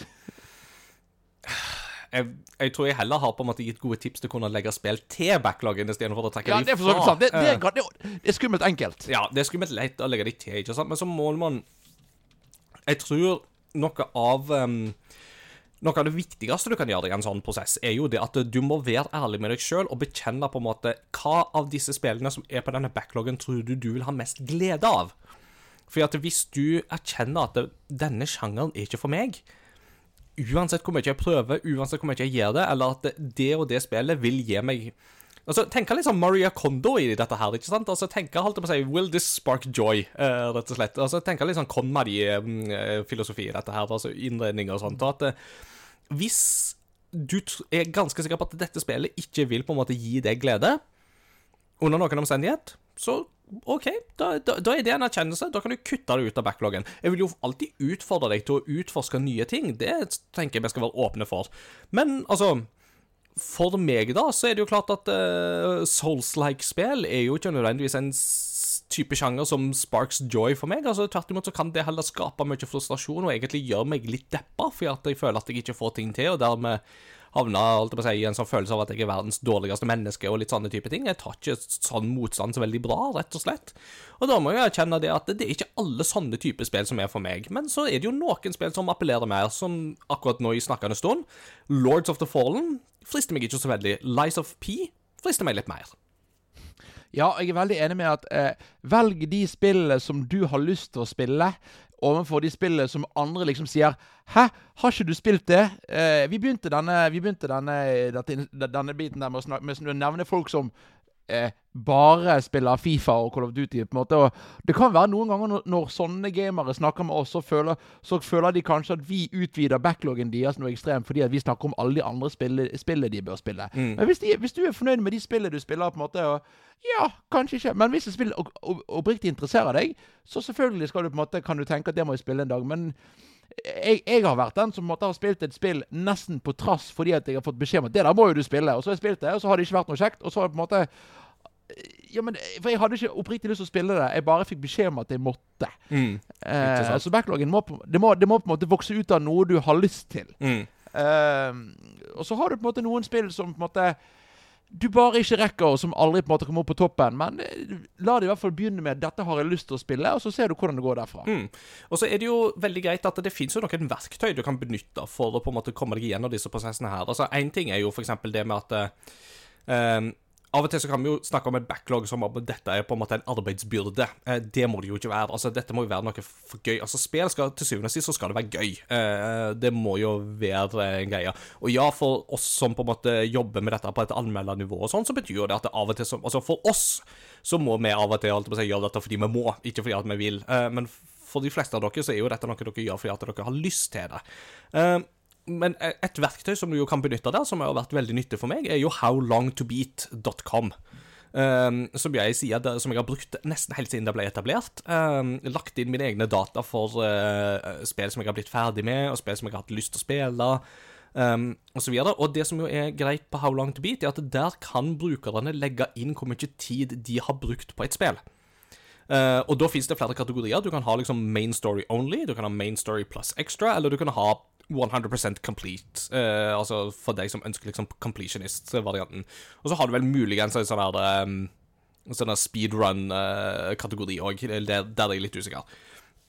Eh, og, og hvis det da er litt sånn at det er sånn OK, nå har jeg tre spill. Jeg vet at de neste to ukene så har jeg så og så mye tid tilgjengelig. Hvilket av de tre spillene vil passe best i den toukersperioden? Så kan du gå på How Long Beat, så kan du søke opp de tre spillene, og så kan du se hvor lang tid sånn anslagsvis eh, kan du forvente å måtte bruke på hvert av disse spillene. Og hvis du da finner at det ene spillet er liksom litt for langt for den perioden, så kan du si OK, da, da skal jeg ikke ta det akkurat nå. Men, men så finner du at det andre spillet er liksom Ja, det, det er veldig passelig lengde. Så tar du det. Og så er det òg eh, kjente turtips. Det er aldri en skam å snu. Mm. Hvis du har spilt ti timer et spill på en måte du kjenner at nei, det, dette var ikke for meg, så er det lov å legge seg fra seg og tenke vet du hva, jeg ga det en fair shot. For all del. Ikke spill fem minutter og tenk at nei, dette er kjedelig. Men som du sier, Inger, du er ikke så glad i soul-spill. på en måte, Det, er for- det, det syns ikke du er kjekt. på en måte, Og da OK, da, da, da, da legger man det fra seg, så har man prøvd. Ja, ja altså og, og- litt av min på en måte kjepphest der, det er jo litt den der med at eh, jeg skal ikke ta fra folk det at de syns de spillene er gøy.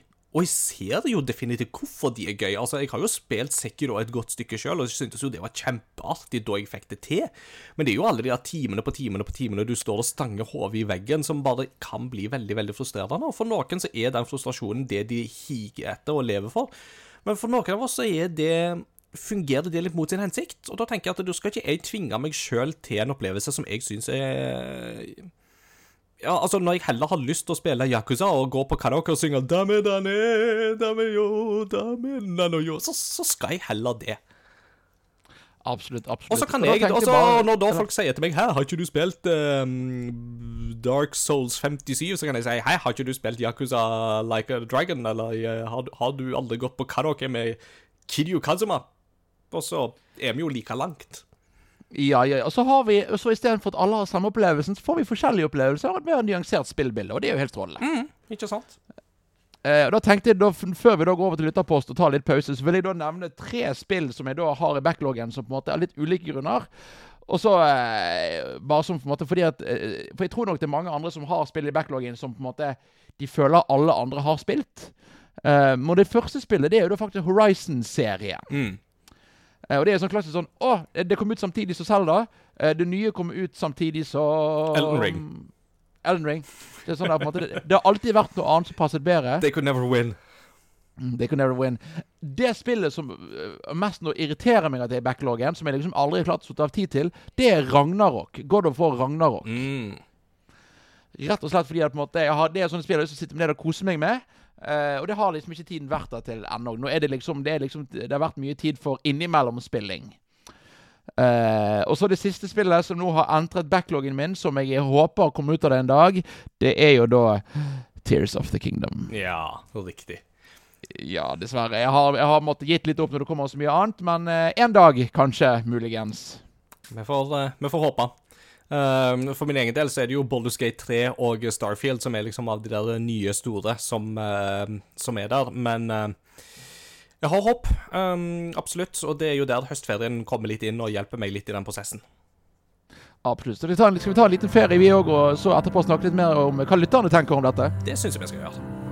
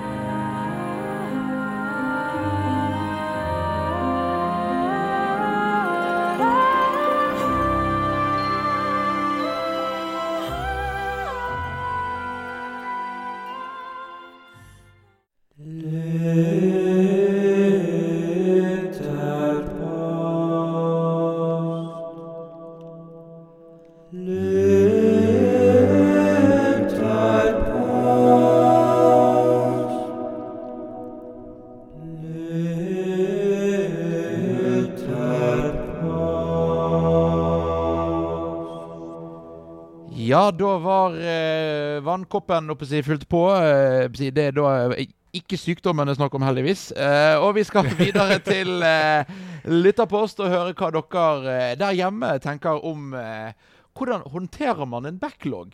Uh, dette er vel på en måte et av de spørsmålene hvor vi får, har fått ganske varierte svar, om det er lov å si. Uh, Ingar, ja. vil du gå først? Ja, det er jo uh, lytterne våre som jo svarer på disse um, spørsmålene vi stiller de på um, Facebook og Discord. Uh, så folk må gjerne sjekke det ut på crossovergaming.no for å få lenker til de uh, respektable mediene. Um, og som du sier, folk har jo litt sånne varierte approaches til dette. Så jeg tenkte jeg ville begynne med X-Tord. Han er relativt ny i vår podkast, og dette er første gang han svarer, så velkommen til oss. Uh, og da svarer han tja, det er et godt spørsmål. Noen ganger kan det være en venn som anbefaler noe, og jeg bare OK, jeg får spille det. Det høres jo kjent ut. Uh, var sterkt nær å starte Control her om dagen. Og det er fordi både jeg har hatt noen venner som vil at jeg skal spille det, men også fordi det kommer et nytt spill fra studioet. Som jo da er Alan Wake 2, uh, for øvrig. Yeah. Noen ganger så kan jeg lese om en serie, si f.eks. Castlevania her om dagen, som gjør at jeg plutselig kan få lyst til å ta opp et spill i den serien hvis jeg har et tilgjengelig på en plattform. Dog skal det sies at mange spill jeg har som neppe vil bli startet uansett. Og noen ganger får jeg plutselig lyst til å bare spille noe, så da hender det at jeg sjekker Steam-biblioteket i stor grad hva frister mest. Hender jeg òg eh, sjekker fysiske spill jeg har, PlayStation Network eller GS. GS det er litt uh, Game Service uh, kanskje? Ja. Jeg var ikke sikker. Um, ja. Uh, har òg Epic Games å ta av. Det er jo for så vidt sant. Epic Games gir jo òg ut uh, gratisspill som jo fort kan havne i en backlog. Uh, men det har jeg ennå ikke brukt, selv om Control og og um, forhåpentligvis Alan Wake 2 er muligheter. Absolutt. Uh, videre skriver da Pletten her skriver Det er vanskelig å ikke få en solid backlog, men jeg er opptatt av å ikke gi meg før spillet er fullført. Jeg prøver å platinere et spill før jeg starter på et nytt et. Ved siden av prosjektet jeg har, kan jeg spille andre spill kun fordi det er gøy, som Fifa og Fall Guys. Derfor kan jeg ikke spille Spiderman 2 før jeg har fullført Star Wars Jedi Survivor. Men så har jeg lyst til å spille PlayStation 5-versjonen av Spiderman og Miles Morales. Har platinert de på PlayStation 4 tidligere, før jeg spiller toeren. Men så vil jeg ikke vente. Dilemma. Mm. Jeg liker òg å spille kortere spill mellom to store spill hvis jeg bytter serie, for å koble fra og glemme hvordan et spill er, før jeg starter på nytt. For, for, eh, for eksempel spilte The Walking Dead sesong 1 mellom Horizon Forbidden West og Star Wars. Men mm. pga. PlayStation Plus vil jeg aldri komme i mål med backloggen av spill jeg vil spille. ja, det, det, disse her tjenestene da, de er jo både en velsignelse og en forbannelse i så måte de er en utfordring til vår selvkontroll, og den på en måte som gamere er ikke alltid mest trente, om det er lov å si. Mm, ikke sant. Eh, jeg tenkte jeg skulle gå videre på Eirik sin. Han har en interessant approach på dette her. Eh, jeg har fire moduser for spilling oppkalt etter fire forfattere. Så bare det konseptet i seg sjøl syns jeg var helt fantastisk. Ja, ja. Så eh, det, det, vil jeg ha mer av. Nummer én, Brandon Sanderson det kommer nye, gode spill enormt ofte. Hvis du tror du har kontroll, sier bransjen hei, her er det fem spill til, og backloggen vokser. 2023 har vært et Sanderson-år. Ja. Stephen King. Det kommer nye, gode spill relativt ofte, men hvis du går inn for det, klarer du å holde deg a jour. Backloggen er på stedet hvil. Det høres også kjent ut. Patrick Rothfuss. Det skal komme nye gode spill, men de lar vente på seg pga. andre prosjekter, så backloggen minker. og så til slutt George R.R. Martin. Det skal komme nye gode spill, men jeg er redd for at spillindustrien dør ut før den tid. Backloggen minker betraktelig. 2021 var et Martin-år.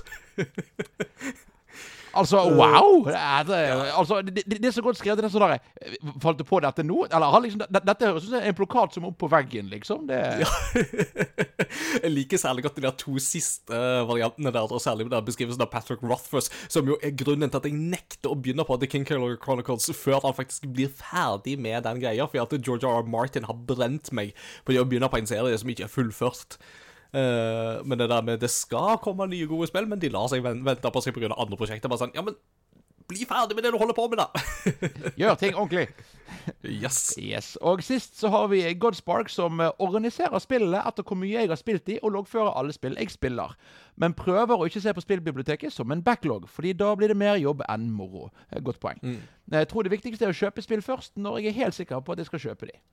Det er jo ikke en dum tanke, det heller. Altså, Vi kunne jo spart oss for litt penger hvis vi kun hadde brukt pengene på det vi faktisk vet at vi kan begynne å spille akkurat nå. Så Det er jo veldig, eh, veldig smart tankegang, og det liker vi ikke vi her, for vi vil ha så mange spill som mulig. ja. Nei da. Apropos spill vi har spilt, så skal vi snakke litt mer om what we've been playing lately.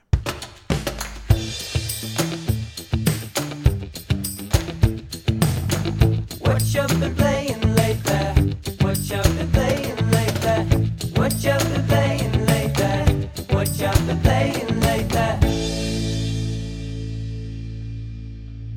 Yes, Ingar, what have you been playing lately?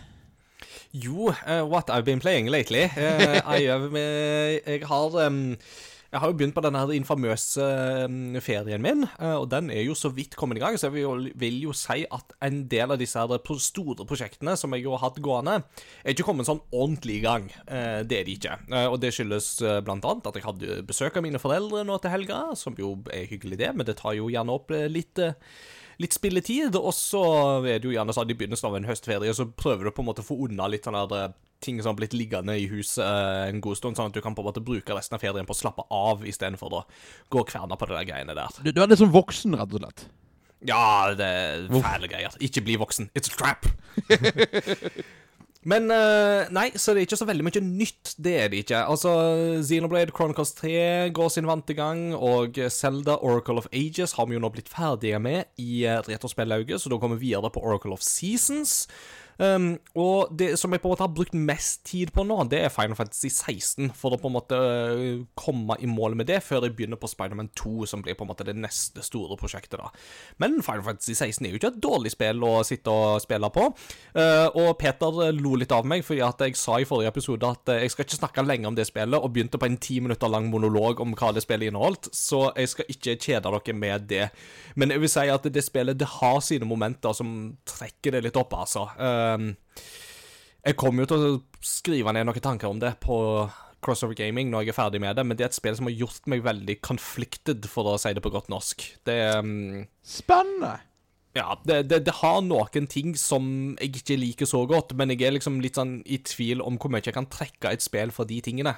For eksempel det at manus er såpass annerledes på engelsk og japansk som det er, fordi at det for så å si alle dere som hører på, så vil ikke det ha noe å si. Altså, dere vil forholde dere til det engelske manuset, eh, ikke sant? Så Men det kan hende det blir en Game Reactor-tekst ut av det. Liksom, hvor fri kan en oversettelse faktisk være? Um, Oh, det er spennende. Nå er nesten helt tembytte, men som, både som dubber og en anime-fan, så er dette det et tema vi kan eh, prate mer om en annen gang. Eh, Hvor fritt man, kan man adaptere noe fra det ene språket til det andre, eller det ene mediet til det andre?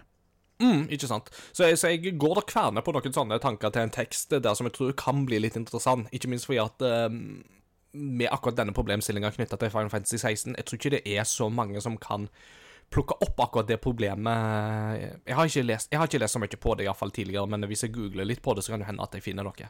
Men får eh, bare spørsmål. Altså, er det et problem du oppfanger fordi at du har japansk tale med en engelsk tekst, og teksten er da fra det engelske manuset? Riktig. Yes, det, Dette er blant annet et stort problem i Dragon Ball-verden, hvor det engelske manuset er ganske har vært veldig, la oss kalle det, eh, kreativt med, med oversettelsene til tider. Ikke sant? Det er jo et eh, kjent eksempel bare med It's over 9000! Det er jo faktisk et eksempel på det. Yes, hvor det da Det er ikke rett tall engang. Ikke det, det det er, han sier over 8000, eh, er det vel? Eh, ikke Absolutt. Men eh, så var det noe med voice flaps og diverse, og noen ganger så har de gjort pappaen til Goku til en brilliant scientist fordi at de ville gjøre noe spennende med manus. Mm. Det er jo det. Så igjen, dette er jo kjente problemstillinger for flere medier. Um, og for en som har oversatt noen bøker sjøl, jeg har jo oversatt uh, Vingefjærsagaen til norsk, eller The Wingfeather Saga, som den heter, så, så er jo dette et sånn problemstilling som jeg har tenkt litt på, ikke sant? Altså med ja, med oversettelse. Det, det, det er et, et spennende problem, eh, rett og slett, som eh, jeg vil eh, på en måte prøve å komme litt inn på hvis jeg får tid og overskudd til det. Så den blir Eh. lagt til i artikkelbackloggen. Ja, rett og slett. Rett og slett. Så nå må jeg bare få på en måte eh, ånden over meg til å skrive litt, og så må jeg eh, samle litt data for å komme med på en måte noen gode eksempler på det.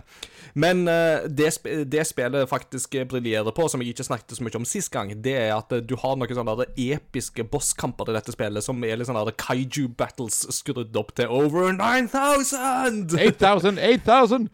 Ja, men altså, det, det er faktisk altså, Nå hadde jeg en, eh, en av disse kampene her som var litt sånn Det var litt sånn Dragon Ball møte Final Fantasy møte Bajonetta møte Splatoon 3, av alle ting. Uh, I en sånn herlig miks. Uh, de som har Splatoon 3, de vet hva jeg snakker om. Så ja, dette var Det spillet kan briljere absolutt på noen punkter. uh, Og så er jo spørsmålet Men er det nok, og er det det man vil ha ut av serien, eller ikke? Så Still, still thinking on that one, rett og slett. Absolutt. absolutt. Um, men for å snakke om noe nytt, da, så kan vi jo snakke om Super Mario Bros. Wonder. For det har det jo faktisk rukket å begynne på. Uh, Wowie zowie! Wowie zowie! Banzai! Som det høres ut som Peach sier når hun blir til en elefant. Ja. Um, jeg vet ikke, Har du rukket å begynt på det ennå, Jon Edvard? Eller? Jeg har Jeg er i tredje verden. Ja, da har du faktisk kommet lenger enn meg. Uh, men, uh, men, men da er spørsmålet spiller du alene, eller spiller du med fruen? Eh, jeg spiller det foreløpig alene. Ja, for det kan nok ha litt å si. Eh, For det er jo klart at dette er jo et spill som legger opp til å, at du kan spille med flere. Uh, og som jeg poengterte, altså det å spille plattformspill sammen med noen som ikke har den samme mengdetreninga til å spille plattformspill, det kan være en øvelse i både trening og helliggjørelse. Uh, Forsiktig med kaffekoppene! Ja, ja, ja, forsiktig med kaffekoppene. Det går helt fint. Anja vet jeg er veldig glad i henne. Uh, men uh, jo, altså, det, det er jo Men altså, for et spill dette er. Det er jo egentlig bare det jeg først og fremst må si. Altså, det er Jeg har til gode å liksom å sette fingeren på om det finnes noe som er liksom skikkelig skikkelig negativt med dette spillet. Eh, det eneste jeg kan si så langt, er at musikken har ikke festa seg helt ennå, men gi meg litt mer tid, så kommer dette til å skje. Men altså Bare artwork, design osv. Her er det så mye kreativt. Jeg er helt enig. på en måte Og det som måte, jeg har da klart å liksom uh, formulere tanker For igjen, vi er jo spilljournalister. på en måte Man, man begynner med en gang å tenke liksom om spillet på en annen måte ofte. liksom Hva, hva syns jeg egentlig om dette? Og det jeg merker her, er at dette spillet er det første 2D Mario-spillet siden Mario World som ikke føles som på en måte klassisk, eller, og ikke klassisk som i en klassiker, men på en måte New Super Brothers var jo bare sånn Dette er veldig type stilrent og pent, og dette her på en måte Det er nye skremmeskuespillere til hovedkarakterene. Det er litt ny stil, som er litt igjen annerledes enn sånn det skal være. Dette er litt spillversjonen av disse nyere Mickey Mouse-tegnefilmene, som tør på en måte å gjøre litt større endringer. Og musikken er ikke så klassisk eller, eller typisk Mario, så er det jeg det har ikke festet seg på hjernen, men jeg koser, det, jeg koser meg fortsatt. Eh, altså det, det, det av musikken som ikke har festa seg, det, det, har, det, tror jeg bare har med mengde å gjøre. For det jeg har hørt, har jeg likt veldig godt. Eh, det har jeg jo, da. Eh, og det skal jo sies dette her at jeg har aldri vært sånn veldig stor fan av New Super Mario Bros.-spillene. Altså, De har aldri på en måte klart å feste seg helt på meg. Det har liksom de har vært helt greie, men de har liksom ikke vært i nærheten av å kunne måle seg opp med verken Super Mario Bros 3 eller Super Mario World, som jo er peak 2D-Mario.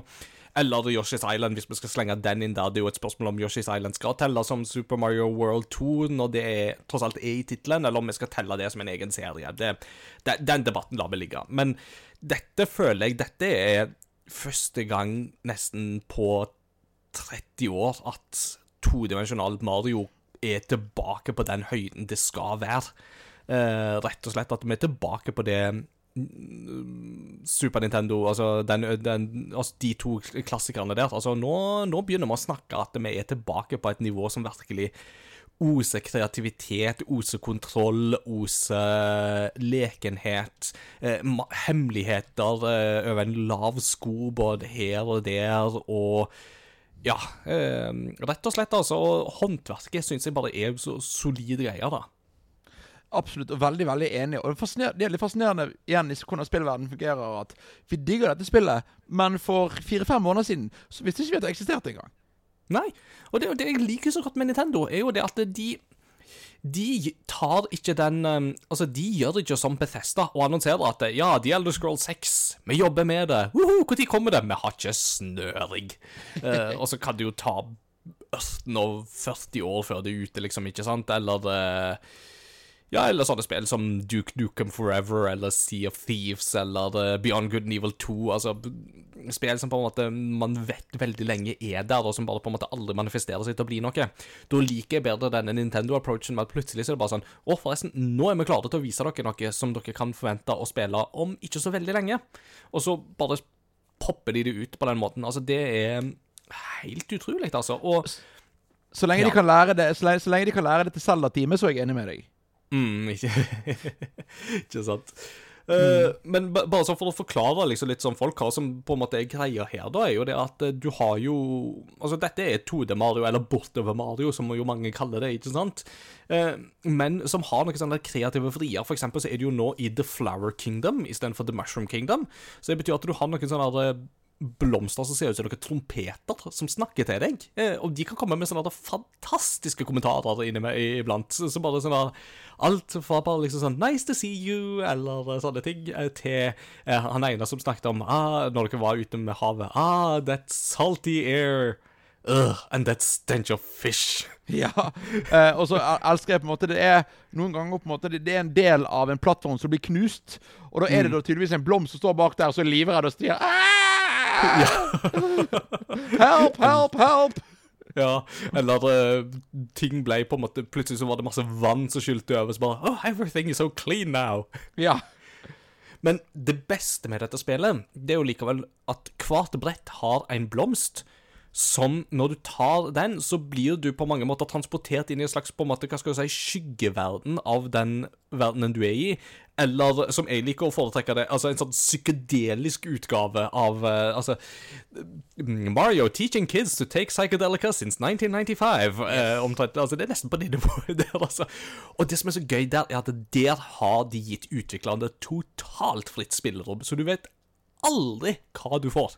Det kan være noe så enkelt som en bøling med okselignende skapninger som du må stå oppå for å liksom få tak i alle tingene, til eh, noen fiender som synger sang til deg. Det er alt.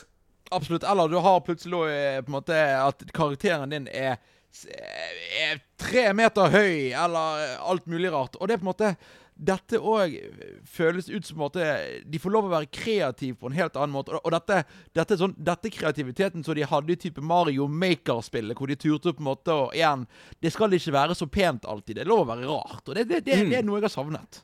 Ja, og det er bra at du nevner Mario Maker i dette her, for det var jo litt sånn etter at Super Mario Maker 1 og 2 kom ut, så var det jo litt sånn Kan Nintendo noen gang gi ut et todimensjonalt Mario-spill igjen? Altså, når hundrevis, tusenvis av fans har laga så mange fantastiske brett og bare på en måte kverna ut så mye, er det noe igjen for Nintendo å gjøre dette her? Og Nintendo bare sier ja, den utfordringa skal vi ta med, og så har de bare tatt dette her og virkelig bare på en måte i- Igjen, da. Altså, jeg vet aldri hva som venter når jeg hopper inn i et uh, brett i Super Mario Bros. Wonder.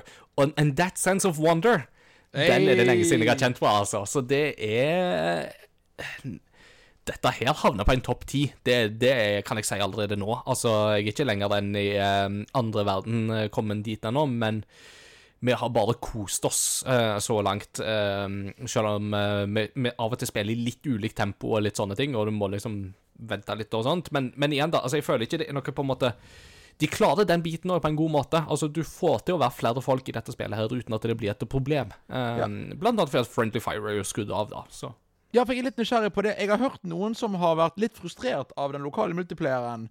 Blant annet når de har spilt med barn. Hvordan har dine erfaringer med den lokale multiplayeren vært? Jeg spiller ikke med barn, eh, så den biten kan jeg jo mm, heldigvis si at jeg ikke har, um, har slitt med. Um, stort sett så opplever vi vel at det går greit, og at det handler som sagt først og fremst om på en måte hvor mye, hvor mye trening har man med denne typen spill. Eh, men min erfaring er så langt i hvert fall at det gir de som har minst mengdetrening, bare tid til å sette seg inn i kontrollsystemet, ta de gjennom det, eh, og la de få bestemme litt hva brett vi skal spille nå, og litt sånne ting, så går det stort sett veldig fint. Herlig, herlig, herlig. Uh, jeg kan jo begynne på listen med spill jeg har spilt siden sist. Uh, Mario Wonder må vi komme tilbake til mer etter hvert i senere episoder. Eh, jeg har spilt litt Det har kommet ut noen uh, free to play-spill som har truffet meg ganske bra. Eh, det første det er Disney Speedstorm. Ja! det er jo da Disney Mario Kart-klonen, som er da er gratis og har kommet ut på alle plattformer, og som har crossplay. Mm. Uh, som jeg har spilt og har vært uh, ja, mildt begeistret over, i hvert fall. Mm. Nå er det vel ute av Early Access òg, er det ikke det? Yes, det kommer ut i Early Access til våren. Og det er jo det som er sånne fascinerende ting som nå er blitt en greie. At eh, sånne spill kommer ut i betalt form i Early Access, og så kommer det ut gratis når det på en måte er lansert. Hmm. OK. Uh, for det, det, dette var da en greie med Disney Speedstorm, og det var òg en greie med du, Eller du kjøper det som heter en Founders Pack, hvor du da får med en del gratis kosmetikk som på en måte vi andre må uh, kjøpe i, uh, i eh, Free to Play-storen. Og det samme er da dette Disney Dreamlight Valley, som er Disneys versjon av Animal Crossing, er i en betalt Early Access-fase, men skal komme ut gratis etter hvert. Mm. Uh, og Disney Speedstorm er Disney Mario Kart. Veldig online-basert med at type du har uh, missions, og du har daily activities og sånn. Hvis du faller for det, er det mye å gjøre. Eh, og så var det fascinerende fordi at eh, jeg ville spille dette offline med venner, men for å spille dette offline med venner, så må man da spille gjennom tre-fire sånne på en måte brett med singleplayer-nivåer, som du ikke kan spille hvis ikke du er online. Hmm. Som betyr at på den første, de første dagene når serverne var nede fordi at alle spilte, så kunne ikke du engang spille tutorial, fordi da måtte du være online. Hmm. Eh, og jeg og da noen venner jeg ville spille online eh, multiplayer med. Det kunne jeg ikke, fordi at de måtte spille ferdig hva er det, 15 brett med tutorials før de i hele tatt kan spille on online med venner. Så det er jo litt snubling her spilldesignmessig, men selve eh, kartkjøringen veldig, veldig gøy. Selve det visuelle veldig, veldig gøy. Og eh, variert utvalg karakterer med alt fra Baloo til Jack Sparrow til eh, Sully fra monsterbedriften. Ja. Eh, så det er mm, Det har potensial om måte Om det kommer til å bli stort eller ikke, men, det, men jeg, jeg, jeg koser meg når jeg spiller det. Ja, og det er jo det viktigste her, tenker jeg. Og mm. på mange måter så har jeg likt det jeg har sett av liksom pre Altså av um, gameplay og sånt før det ble lansert, da. Selv om jeg ikke har testa det sjøl. men uh, i dette her så kom jeg bare på at det fantes jo et um, Mikke-bilspill på Nintendo 64 som jo Rare ga ut i sin tid. Speedway. Speedway USA. Ja. Eh, har du testa det? Eh, og hvordan vil du i så fall sammenligne de to? Eh, det er et av de spillene Jeg, jo, jeg var jo PlayStation-barn, så jeg hadde ikke Jeg lurer på om det kom ut noe der, men jeg spilte det ikke som barn, så jeg har ingen noen minner, dessverre, fra de spillene. Uh, det vil si at måte, det er veldig lite refererende til andre spill. Jeg venter fortsatt på Kingdom Hearts-verden, folkens. Kom an. Eh, det som er fascinerende, da, er at de andre spillene Eller, eller er mange karakterene som selvfølgelig da er mikrotransaksjoner, men de er gratis hvis du spiller eh, offline multiplayer med venner. Eh, som er veldig gøy. Eh, helt til du da innser at på PlayStation 4 og Switch så kan du bare spille toplayer og ikke fireplayer, for det er kun på PlayStation 5-versjonen. Så det er litt sånn gi og ta. Mm.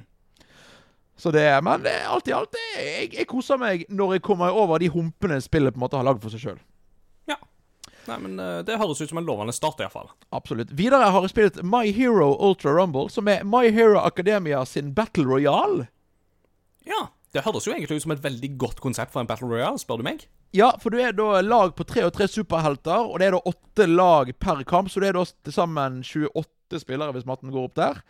Eh, og så spiller du eh, karakterer fra My Hero Academia-universet, og så er det rett og slett bare om å gjøre å defeate de andre med, med, da, med superheltcombat. Det er ikke noe mye skyting og sånn involvert. Det er på en måte, det er rett og slett er superheltkamper, og det er, det er gratis. Det er òg eh, et av de spillene som har ganske gode vilkår for å på en måte kunne tjene de inn poeng til å få de betalte kostymer og sånn kan du da få gratis hvis du spiller en del. Eh, hvis du er interessert i My Hero Academia, så er det egentlig dette bare sånn kjør på. Anbefaler. Eh, igjen, er på Switch, er på PlayStation 4. Jeg tror ikke det er på PlayStation 5, men du kan jo laste ned PlayStation 4-versjonen. Eh, og det er sånn, Hvis du er nysgjerrig, spill det. Det er gratis, og det er nok eh, for min del veldig gøy med en ny versjon av, eh, av eh, Battle Royale-sjangeren. Og det leverer egentlig på de fleste områder. Mm. Så bra. Mm. Eh, videre har jeg begynt på Red Dead Redemption, som kom til Switch eh, nylig. Ja, den er jeg jo litt spent på å høre, for at du bare sendte jo et bilde av at du hadde fått deg Red Dead Redemption, og vi er jo flere som har spilt det spillet, og som mm. absolutt er fan, og jeg er jo fan av både det første og det andre spillet. Har uh, hatt veldig mye gode opplevelser med det. Og er jo blant annet nysgjerrig på hvor godt det kjører på Switch. Eh, la oss ta det, første, det, det tekniske først. Eh, det kjører helt strålende på Switch. Eh, altså, det ser jo ut som et PlayStation 3-spill.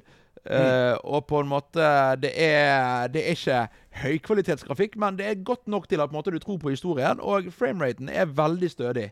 I hvert fall jeg har spilt så langt. Um, Ja, og, og det tenker jeg er jo det viktigste her, er jo at hvis du får en stabil framerate For det, PlayStation 3-versjonen hadde jo ikke det i sin tid. Xbox-versjonen kjørte jo gullende fint uh, back in the day uh, på 360, men PlayStation 3-versjonen er jo kjent for ikke å ha kjørt bra, så det at Switch-versjonen klarte det, det er jo i seg selv en seier, selv om det er litt sånn Ja, men det er et spill fra 2010, så du forventer jo på en måte det.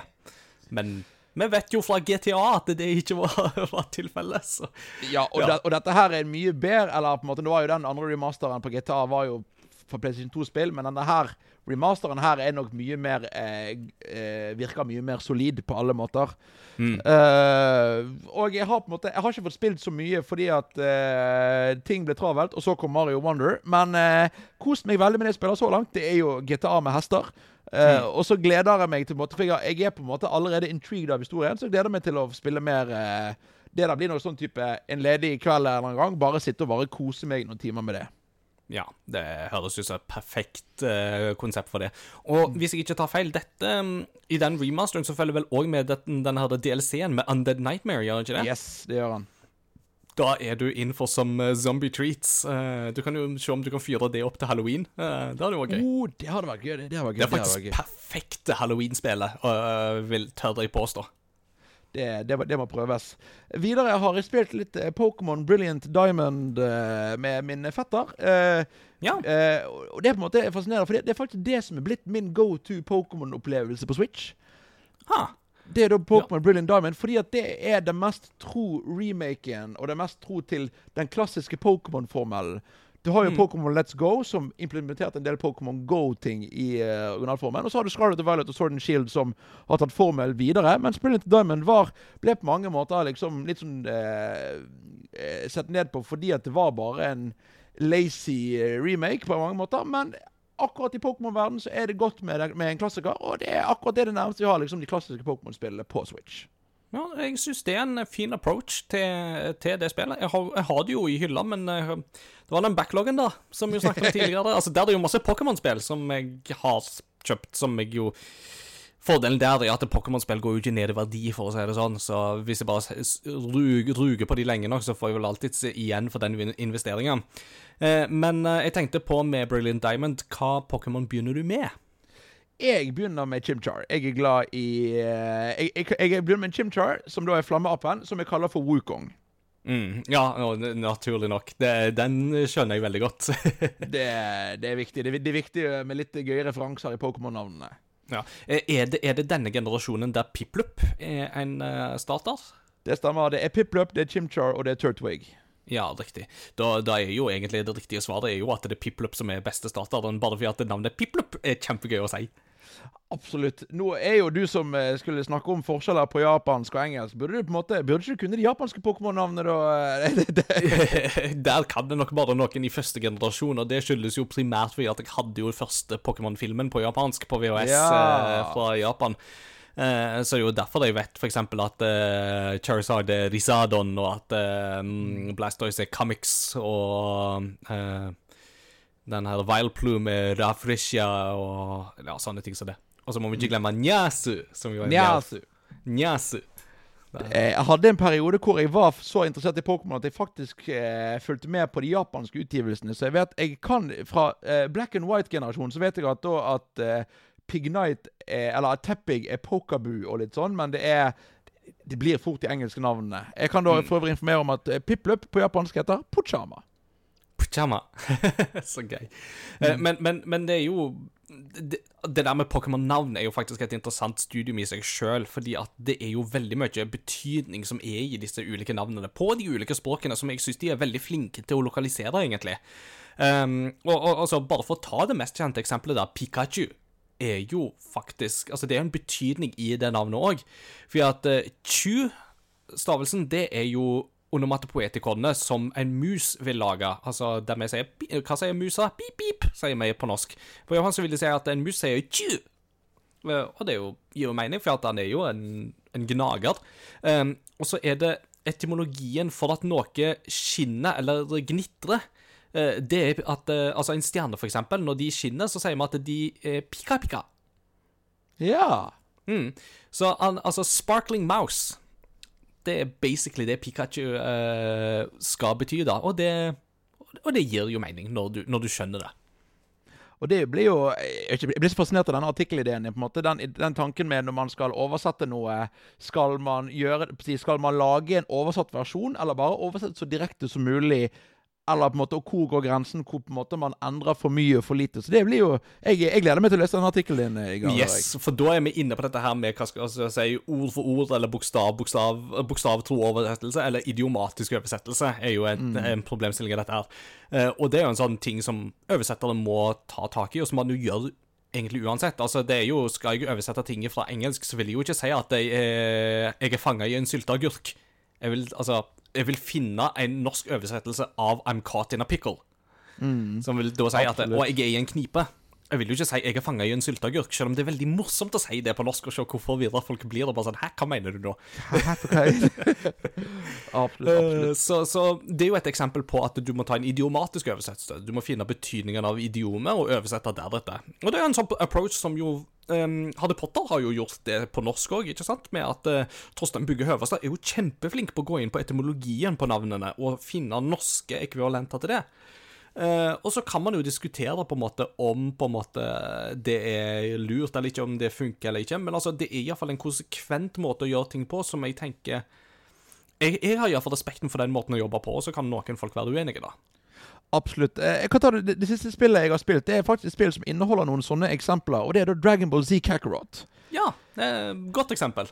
Eh, og, det, og det er på en måte Jeg vet ikke om du husker for når jeg sist jeg var med på en episode Det begynner kanskje å bli en og en halv måned siden. Det har vært litt travel Så snak, snakket vi om at ja, jeg spilte litt på PlayStation, så jeg trengte ikke å kjøpe Switch-versjonen allikevel.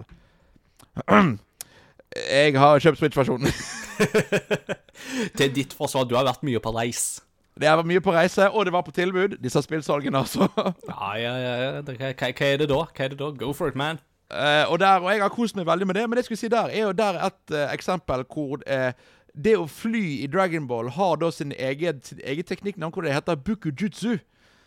uh, og da på en måte Jeg vet ikke hva på en måte Men det er uh, eh, Jumping in the air-teknikk, eller på en måte kanskje direkte oversatt. Men hvor da bukujutsu er på en måte så kort å si at de har oversagt det til engelsk med Oh, he's flying. Mm. Og der på en måte er det litt sånn OK, hva skal man oversette der? Fordi at der har man òg igjen da eh, ikke bare betydningen, men òg eh, varigheten på Altså mouthflapsene til karakteren. Mm. Bukujutsu, på en måte. eh, og eh, eh, jumping in the air-teknikk, eller hva det nå så på en måte det blir kalt for. liksom det er OK, hva er rett å gjøre der? Eh, men det igjen, gjerne skal ikke ta nå. Men eh, generelt, Dragon Ball Z Kakarot koser meg veldig med, meg, med det. Det er ikke ekstremt bra, men det er godt nok til at på en måte, jeg ble la meg rive med. Og så er det artig fordi at det er et spill som velger å bruke all tilgjengelig Dragon Ball law fra guidebooks og sånn til å utvide universet litt for de som bare har sett serien. Og det er veldig spennende. Ja, det syns jeg det Jeg liker når de tar sånne grep og gjør sånne ting, da. Det er jo litt sånn som eh, for eksempel um, Asoka-serien har gjort i Star Wars nå nylig. ikke sant? Med at det plutselig så er det en hel generasjon som kanskje bare har sett filmene, som nå blir introdusert for masse Clone Wars og Rebels-materiale. And I like that sort of thing. Oh yes. Uh, apropos like sort of, sort har du noe du vil eh, anbefale, Ingar?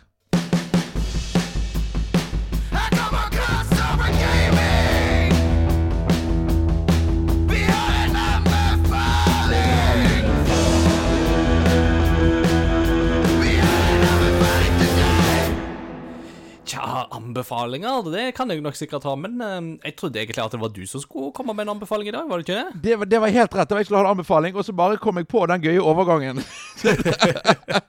Men jo, er jeg, det. Det, det det var derfor jeg bare spilte ballen tilbake til deg, vet du. Dette skulle gå smooth og glatt, og ingen skulle legge merke til det, vet du. ja, oi, oi, oi, jeg har jo hatt en så bra track record i dag, men det, må- det, må, det måtte gå galt til slutt. uh, men ja, min anbefaling. Min, eh, min anbefaling er egentlig noe som vi allerede snakket om i nyheten i dag. Det er å gå inn på Spotify, søke på noen av dine favoritt-Sony-spill spesifikt, eller kanskje bare spill, og gå og hør på litt god spillmusikk. Eh, og nå er det faktisk overraskende mye av både spillmusikk, filmmusikk, av litt mer ukjente sorten som har kommet på Spotify. Eh, Anime-musikk, uh, japansk musikk blir mer og mer tilgjengelig globalt. Så søk opp litt god spillmusikk, og hør på litt spillmusikk eh, på steder som du kanskje ikke trodde var tilgjengelig, så kan det være Vet du hva? Hvis du har lett etter Patapon-soundtracket, jeg har nyheten for deg. Det er tilgjengelig. Gå og hør på litt god spillmusikk, og kos deg. Mm. Og jeg vil slå et slag for Gravity Rush-soundtracket, som jo var blant disse som var nylig sluppet ut. Altså, Gravity Rush er jo Komponisten der det er jo samme som har komponert til OnePiece. Ja, for det er Ja! Gravity Rush 2. Jeg er ganske sikker på at han har til Gravity Rush 1 òg. Og det er sånn, du hører veldig tydelig at dette er på en måte samme med liksom den blåserekka, og hvordan liksom de rekkene på blås, blås og stryker og sånt går, og sånn, så det er, det, det, er veldig gøy hvis du liksom kjenner din OnePiece og bare liksom hører elementer av det i Gravity Rush, som jo for øvrig er ekstremt undervurdert eh, PlayStation Vita-spillet. Det var kanskje det beste Vita-spillet som noen gang ble laga. Er. It's curiosity. What are you gonna show to me? It's curiosity. What a neat thing to know. It's curiosity. What are you gonna show to me? I haven't even heard of it. What a neat thing to know. It's a great the show. Yes, og du skal få lov å fortelle litt uh, mer om, uh, om ting. Du, Ingar, for nå skal du fortelle oss om en uh, kuriositet. Ja, jeg skal det. Og det passer jo egentlig veldig godt at du har begynt på Red Dead Redemption i, i dette her, for jeg har funnet en kuriositet som er knytta til forløperen, altså Red Dead Revolver, som ah. kom på Ah. PlayStation 2 i 2004. Eh, og mange tenker jo at Red Dead Revolver var på en måte starten på en helt ny serie, og det er til en viss grad riktig. Men takket være eh, det meget gode britiske eh, magasinet Retro Gamer, så fant jeg ut at egentlig så er Red Dead Revol Revolver en slags oppfølger til Capcom-spillet Gunsmoke fra 1985. Eh, og da bare leser jeg litt ordrett ifra den artikkelen. Although Capcom never released a sequel to Gunsmoke, in 2000 Okamoto was compelled to reimagine the game as a 3D shooter in a similar way to how Maximo built on Ghosts and Goblins. The new game's eventual title, Red Dead Revolver. You probably know the rest. After development stalled, Capcom bailed and the game was acquired by Rockstar, who molded it into a more story-driven adventure and re-released it no, re-released it in 2004 as the first entry in the celebrated Red Dead series. Obviously, nothing of Gunsmoke remains in Red Dead Revolver, except that dynamite throwing boss Pig Josh sure looks familiar. We wonder if he had an older brother. Så det er jo da rett og slett noen små element av en dynamittkastende boss, som eh, da er på en måte en siste rest av på en måte Gunsmoke eh, fra Capcom 1985. Så det går liksom en linje der fra et gammelt sånn arkade-western-skytespill fra 80-tallet til da Red Dead Revolver, og da dermed indirekte igjen Red Dead Redemption. Så Artig. det, det visste ikke jeg, for å si det sånn, og syns det var litt uh, kuriøst. Det var en uh, passende kuriositet. Og med det så er vi da uh, ferdig med dagens episode, Ingar. Det var uh, Vi klarte å fylle to timer i dag òg. Vi gjorde det. Godt jobba, det må jeg si. Takk, takk, takk. Vi hadde jo en tredjemann som egentlig skulle vært med i dag. Det var jo godeste Peter Gjøskjell. Eh, Men uh, igjen så var det noen ompalomper som uh, forhindra han litt i å være med. Men han la iallfall igjen en, et postludium, har jeg sett, i kjøreplanen. Eh, og det da Han har jo nå faktisk blitt ferdig med Assassin's Creed Mirage. Han har fått platinum-trofé i uh, det spillet, vet jeg. Og um, han gir det jo absolutt en anbefaling og en tommel opp, og syns jo absolutt det var et godt spill. Så da er det jo kanskje ikke så rart at han vil ha spillets hovedtema som dagens postludium, da kombinert av Brandon Angel Angelides, uh, om jeg leser det etternavnet riktig. Angelides. Eh, jeg har ikke hørt på det sjøl, men jeg gleder meg til å høre det postludiet. Og med det så tenker jeg at eh, vi sier egentlig bare takk for i dag. Vi er vel tilbake igjen om et par ukers tid, Jon Edvard. Det er mye der. Har du noe på backloggen som du skal spille til neste gang? Oh, ja, altså eh, det, Nå blir det fort mye Mario Wonder, og det blir Det blir Det blir Red Dead Redemption, så det, jeg får se hva, hva jeg kommer gjennom til neste gang. Jeg eh, gleder meg til det. Jeg skal iallfall bryne meg på Spiderman 2, er iallfall planen. Og hvem vet, kanskje jeg får begynne på Baldur's Gate 3 òg. Den som kommer tilbake om to uker, får se. Vi snakkes ved neste korsvei. Ha det bra! Ha det bra.